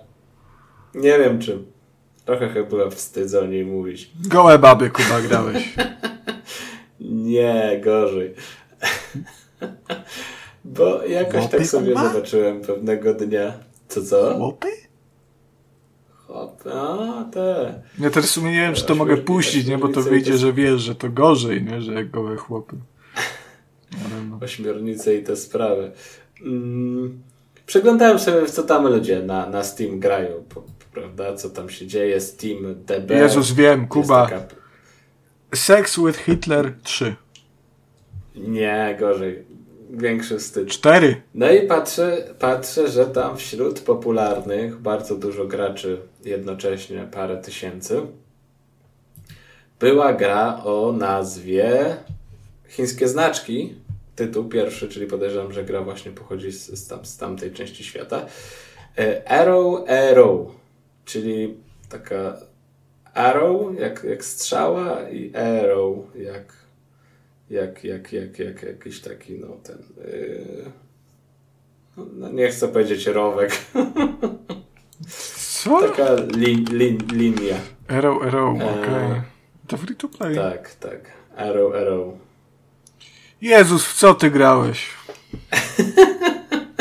No i patrzę, że to jest darmowe i że ludzie grają i, i recenzje na Steam, no proszę Ciebie, ponad 4000 recenzji, 97 pozytywnych. Mówię, sprawdzę, za darmo jest, mała gierka, zobaczę co to się, ponoć świetny klikacz. No i to jest gra, jak Ci się na Facebooku albo nie wiem, na Instagramie, na Twitterze wyświetlają gówno reklamy, gówno mobilnych gierek, gdzie postać idzie właśnie jednym korytarzem albo drugim korytarzem i, i strzela do tego, co. No, to jest jak zobaczysz na screen, to będzie Wiem, wiem, widziałem te reklamy. Że takie, to nawet nie, że postać idzie, tylko postać stoi, a przesuwają się tam przeciwnicy z numerkami. Jak się strzela, to te numerki spadają. I jak spadną, to do zera to się brońkę nową dostaje i się szybciej, szybciej numerki spadają. Tak, tak. I to jest właśnie taki model rozgrywki. I są to jeszcze takie brameczki, gdzie jak wybierzesz bramkę z lewej strony, to dostaniesz to, jak bramkę z prawej, to dostaniesz to. No i co? I trochę sobie chwilę pograłem, tak dosłownie. Mm, to jest to okej, okay, bo to jest takie, takie wciągające, że wiesz, chcesz zobaczyć, gdzie tam gdzie tam dojdziesz z każdym kolejnym razem. Zawsze idzie trochę lepiej, bo też zdobywasz złoto, za złoto jakieś tam stałe ulepszenia sobie wykupujesz, takie roglajkowe elementy. E, no i są ci bossowie gdzieś tam na tej drodze do, do, do, do końca. I no to jest takie, takie, no spróbuję jeszcze raz, spróbuję jeszcze raz. To taki jeden run to trwa chwilkę, dosłownie. E, no, dzieją się tam ciekawsze coraz rzeczy z czasem, bo na przykład później możesz sobie odblokować nie tylko, że masz strzelanie z łuku, ale na przykład, że pieski masz i pieski ci pomagają gryźć przeciwników, albo że smoka masz i smok tam yy, pluje fireballami, więc, więc coś tam się dzieje. No i to w sumie, to w sumie tyle, no, co, co chciałem powiedzieć. Wstyd mi, że dobrze się przy tym bawiłem przez chwilę. Ale wiesz co, nie, bo ja, ja tak jak patrzę na te reklamy, to mam takie... Kurwa, no zagrałbym w to. No bo... Znaczy wiesz, jak to któreś y, zagraniczne medium, y, nie pamiętam który portal, ale gdzieś tam to było opisane właśnie w ten sposób, że to jest ta gra mobilna, którą znasz, ale działa. To tak, no, na takiej zasadzie, to, to, coś takiego, że wiesz, to jest ten sam pomysł, tylko wykonany tak, żeby to działało. No. To, to, to jest gra dla uzależnionych od TikToka z bardzo krótkim okresem, e, jak to się nazywa? Attention span. E, z krótkim, z, kró... z, kurwa, z krótkim okresem skupienia uwagi. E, ale wiesz, ja oglądam te, te, te reklamy, czasami się po prostu zatrzymuję i patrzę. I to ma w sobie coś takiego intrygującego. W sensie to jest bardzo, bardzo prosty mechanizm, nie? Bo to jest y, szybka, mało wymagająca nagroda, nie? Taki zastrzyk dopaminy, że tam w sumie nic nie robisz, ale tu jakaś skrzynka, tu coś tam, nie? Tu te numerki spadają. Y, więc uważam, że to jest na jakiś sposób wiesz, ciekawe. Nie uważam, że to jest dobra gra, broń Boże, nie? Bo to jest no takie no, ubogie główienko, ale, ale może być to wciągające na jakiś czas. No, widzę, że tu ludzie, no nie ma tu jakichś chorych godzin e, wśród tych recenzujących e, te gry tam około no rekordziści to po 4-5 godzin tu, tu spędzali w tym. No to myślę, że to tak jest spokojnie można tę grę skończyć po prostu, bo ona też nie wiem, wydaje mi się, że jak się dojdzie do ostatniego bossa, chociaż coś tam możliwe, że to było, że to jest endless, że to, to też może iść, ale hmm, hmm. Chyba, chyba widziałem na YouTubie jakieś takie rany. Kuba, o co chodzi ze strzałą że... i kakawym okiem? Co, co, co? O co chodzi ze strzałą i kakawym oczkiem? Yy, nie mam bladego pojęcia. No. Znaczy wiem, co to jest strzała i wiem, czym, co jest określane mianem kakaowego oka, ale nie wiem, jakie jest połączenie tych dwóch rzeczy w tej no, grze. No, pytam, bo y, użytkownik Steama Majes napisał w pierwszej recenzji, która się wyświetla, instrukcje niejasne, strzała utknęła w kakowym oczku, polecane. no to pewnie jeden z tych gości, co to się tam potknął i wiesz, i później na prześwietleniu wychodzi, na co on się tam potknął i upadł. To, to, to coś, coś takiego po prostu. No mogę. 7,5 godzin ktoś tym spędził. 15 godzin! No, to już chyba włączył i zapomniał, że, że ma włączone, tak obstawiam. Bo... Jezus. Nie, no tam wiesz, oczywiście jak to za darmo się pojawiło, to za, zaraz też widziałem, że tam streamerzy podłapali, youtuberzy, że tam się jakieś widełka. No, Kuba, ale 15 godzin to jest gra, która się nudzi po pół godziny. Ja ci już powiem, ile ja w to wygrałem. Przyznam się, 30 minut.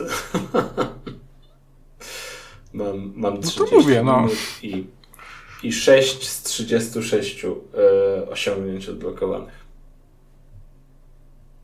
I nawet miałem psy na poziomie trzecim. I pokonałem pierwszego smoczego bossa. No nie, no to fajnie. No, także wiesz, w przerwach od Baldurka dzieje się. Ale nie utknęła ci strzała w kakowym oczku? Nie, nie. Ale jak sobie przypomnę, jaką zawartością był wypełniony poprzedni odcinek, Co było w poprzednim? A co pojawia się dzisiaj?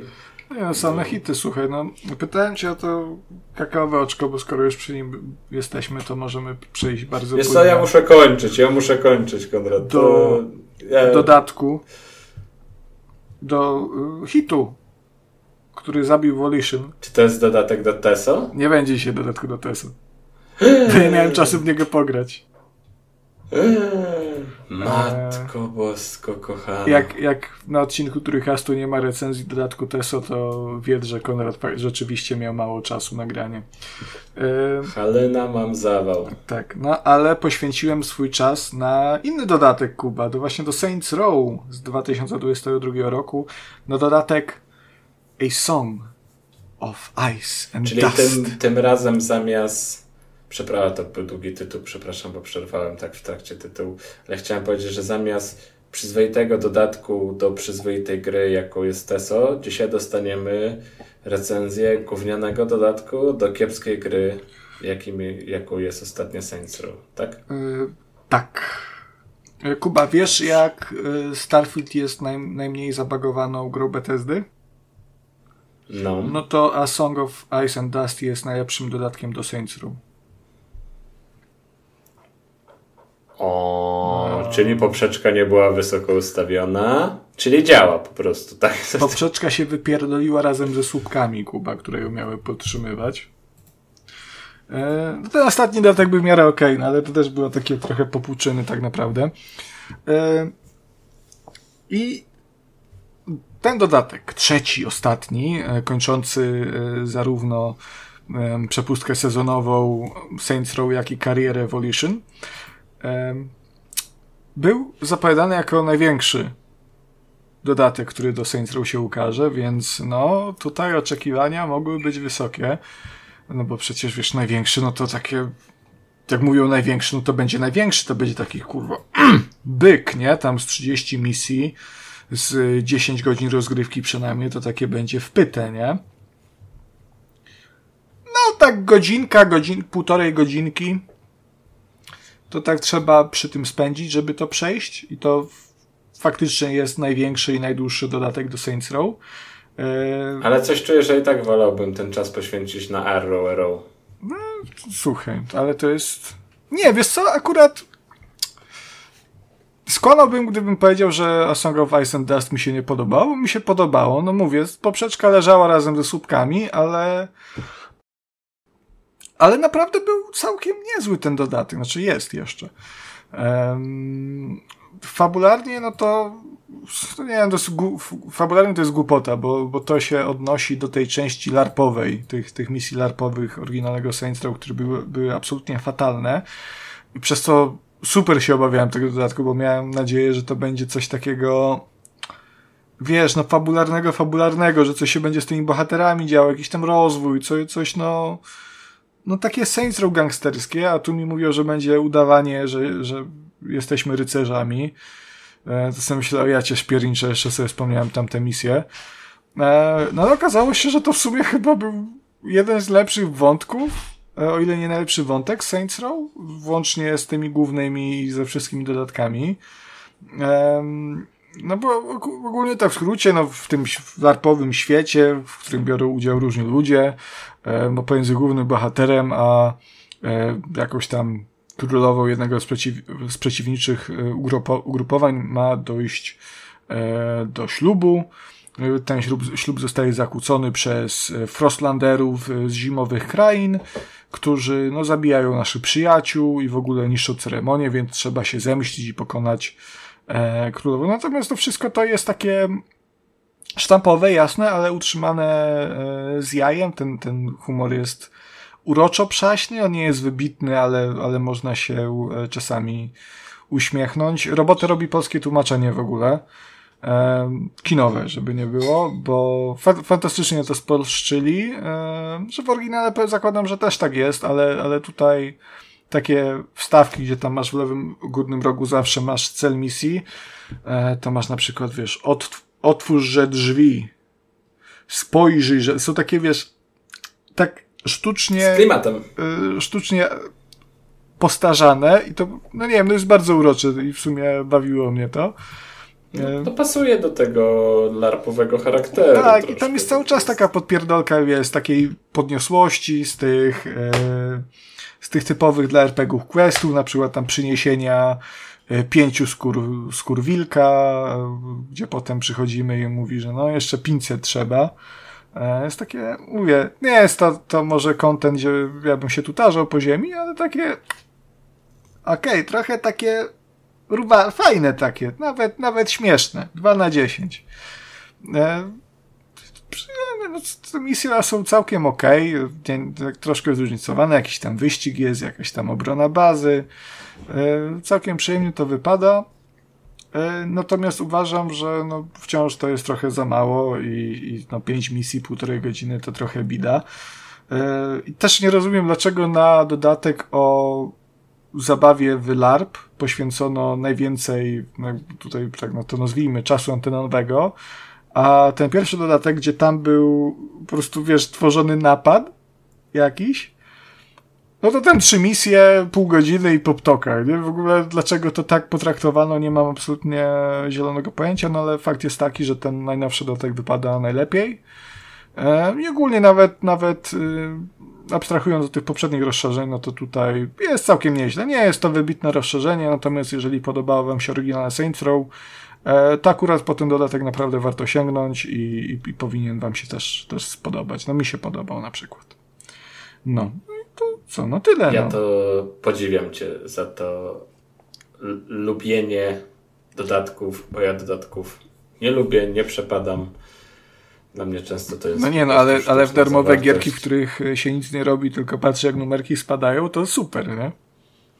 No, ale na przykład myślałem, że w, te, w, to, w to nowe Science Row to nikt już nie gra, a jednak ktoś tam jeszcze gra. 2000 graczy teraz aktualnie na, na Steam, więc, więc nie jest tak źle. Hmm. Pewnie kwestia właśnie tego dodatku. Kiedy on wyszedł? Miesiąc temu i w ogóle przeoczyłem datę a, premiery nie, i jak nagrywaliśmy ostatni odcinek, to sobie myślałem, kurde, ten dodatek miał jakoś w sierpniu wychodzić, z czemu on jeszcze nie wyszedł, nie? I parę dni to mnie tchnęło. A se sprawdzę, kiedy wychodzi. O, miesiąc temu. Gitara. No dobrze, no dobrze. No smutno trochę, że z tego TESA nic nie było. Ja tak liczyłem, tak czekałem. To dlatego wiesz, to jest ostatni dodatek do TESA, który będę recenzował na trójkaście. Na razie. Więc muszę, wiesz, muszę zbudować napięcie, musisz zatełsknić, a potem ja wejdę i bach, nie? A ja swoje testy wywaliłem w tym tygodniu z dysku, bo już po prostu nie miałem miejsca. Muszę sobie lepszy dysk kupić, większy. Mam, muszę, mam muszę, HDD do sprzedania 1 terabajt, chcesz? Ale z Windowsem. Z Windowsem, no. Zainstalowane, no to elegancko. Nie, no teraz to miejsce na dyskach to się tak szybko kończy, że aż, że aż przykro. Jak się gra w stare gry, to nie. O. To prawda, to prawda. No dobrze. To chyba omówiliśmy wszystko, co mieliśmy na dzisiaj zaplanowane. Nawet kompaktowo Prawda? nam to wyszło, tak. Tak, wydaje mi się, że tak. No to dziękuję Ci, Konradzie, bardzo za, za obecność. Dziękuję Ci, Jakubie. Za Twoje wyczerpujące recenzje. Mm, no i dziękuję sobie za to, że się nie przygotowałem do tego odcinka pod tym kątem, że nie ograłem żadnych gier. No ale to, to ja po prostu nie wiem, jak to będzie, bo teraz już jest. Ja się boję po prostu tej, tej opisu z listą omawianych produkcji. Jak to skończę tego Baldura, to zaraz przecież nie wytrzymam, sięgnę po tego Starfielda, co jest następne 1958 godzin. Eee, zaraz jesień to w ogóle wysyp gier będzie. No, no, no, no, no dramat, dramat, dramat. Brakuje czasu na indyki. Dajcie spokój. Kto by w indyki grał? Lepiej stare gry pograć. Dochodzimy do tego momentu, że, że można już bez problemu znaleźć stare indyki. To, to wiesz, to będzie takie połączenie, taki kompromis. No, to najwyższa pora, żeby Braida nadrobić na przykład. A powiedz mi, czy ty grałeś, może kojarzysz Icy Tower? Kurwa, byku. Ile ja, ja czasu na to jak, zmarnowałem. Jakbym miał dostęp do internetu w tamtych czasach, to ja bym był mistrzem świata w tę grę. Jasne. Czyli takiej, takie się tam rzeczy działy, ja tak wymiatałem, pewnie jakbym się porównał z lepszymi graczami, to wychodziło, że tam nic nie ten, ale ale, ale no, grube godziny. A muzyczkę umiesz zanucić? Oj nie. O kurwa, no jak nie umiesz? Pamiętam tylko te takie... Dobra, to, to ja zanucę muzyczkę na zakończenie, a ty zrobisz te swoje... No dawaj. Dy, dy, dy. Dy, dy, dy, dy, dy. Dy. I tam jeszcze ten zegarek takie pokazuje, to coś Harry Up chyba tam było. Piękne rzeczy. Piękne rzeczy, no. Lepiej, żeby była wersja 3D? Czekaj. Przeglądarkowa. Jak ta, była, jak ta gra mogła działać w 3D? Znaczy tak samo, tylko były ludziki 3D. Aha. Można było je w łachmanki też, nowe ubierać też, w ogóle. To już nie to samo. Znaczy, e, ja pamiętam, że miałem taką wersję tej podstawowej gry, że tam były dodatkowe skórki. A samemu robiłeś skórki? Bo tam można było samemu skórki robić. Nie, ja bym takie rzeczy robił, człowieku. No wiesz, na przykład... Ale zawsze, wiesz, zawsze ja byłem przekonany, że ta podstawowa to jest najlepszy. On jest najszybszy. Na, On no, jest był, był najszybszy. najwyżej skacze i jest najszybszy. Był najszybszy. Ten, najlepsza była i tak, najlepszy był krzy, po, bohater, jak się, no oczywiście customowa skórka, ale Krzysztof Kononowicz, e, w tle. Customowa? Tak, no bo można było swoje robić skórki, nie? No tak, ale że to nieoficjalna no, była, to Nieoficjalna był Krzysztof Kononowicz, y, w tle leciało moje mia miasto to Białystok i jak skakał, to krzyczał, nie robił tylko robił, nie będzie niczego. Takie to były piękne czasy. No. Z Czesiem była z Wacumu skórka, wszystko było. To już te nowsze, to już ja pamiętam jednak te, te, te, te, te, te starsze. Jak nowsze, to był 2005 rok. To już Władcy Much byli w 2005 roku? No może w szóstym. Oj. Tak? No tak mi się wydaje, kiedy Władcy Much wyszli. Jest, zaraz będę, zaraz będę umierał. No 2006 rok. Jeju. Tak było, kurwa. Coś strasznego. A jeszcze pamiętasz może taką grę, ale teraz ona się mogła nazywać Happy albo Happy Land? Nie Że się zbierało pieski albo jakieś misie i trzeba było, one były poukrywane na mapce i trzeba było dojść do tego miejsca i zaprowadzić go z powrotem do, do bazy, do flagi. Tego nie pamiętam, ale pamiętam taką grę flashową, e, gdzie się saneczkami zjeżdżało i się rysowało e, tor. Saneczką, kojarzysz to? Chyba no nie. No musisz, takich... musisz to kojarzyć. Z takich tych zimowych to jeszcze pamiętam, że było takie rzucanie się na śnieżki, taka flashowa, flashowa, flashowa gra. No nie mów mi, że tego nie kojarzysz. Happy Land Adventures. Nie kojarzę. No jest. Nie kojarzę. Wygląda jak jakaś mutomania. Cudowna rzecz, ale ty rysowałeś tą trasę i potem chłop jeździł słoneczkami. Jakie tam się wykręcało rzeczy wspaniałe, to dajcie spokój. Jak to się nazywało? Line Rider to się nazywało. Line Rider. Podrzucę ci tutaj screen z, z Happy Land. No to tego nie znam. Nie kojarzysz, nie kojarzysz. No dobrze, to mamy po grze do nadrobienia na następny odcinek. Ja Saneczki, ty tutaj Happy Land i... A to jeszcze tak na koniec powiem, bo tak grywałem wtedy, w tamtych latach w te flashowe gierki, nie? Tam na jakieś na gry.pl, jakieś różne te. I moja świadomość, jeżeli chodzi o stare gry, czy w gry w ogóle, to nie istniała, nie? Jeszcze w tamtych latach.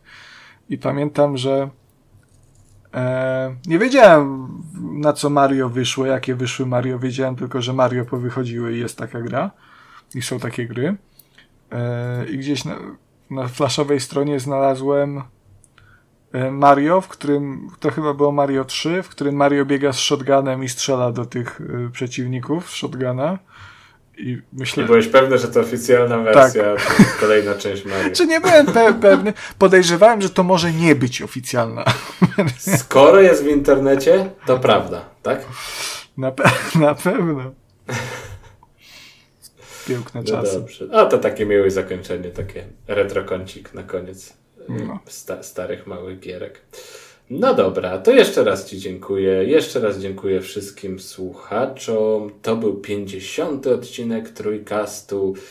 Do usłyszenia, do zobaczenia. Pa, Yo. pa, pa. A wy? Co sądzicie o grach i tematach poruszanych w odcinku? Koniecznie dajcie nam znać w komentarzach, na Twitterze lub poprzez adres e-mail.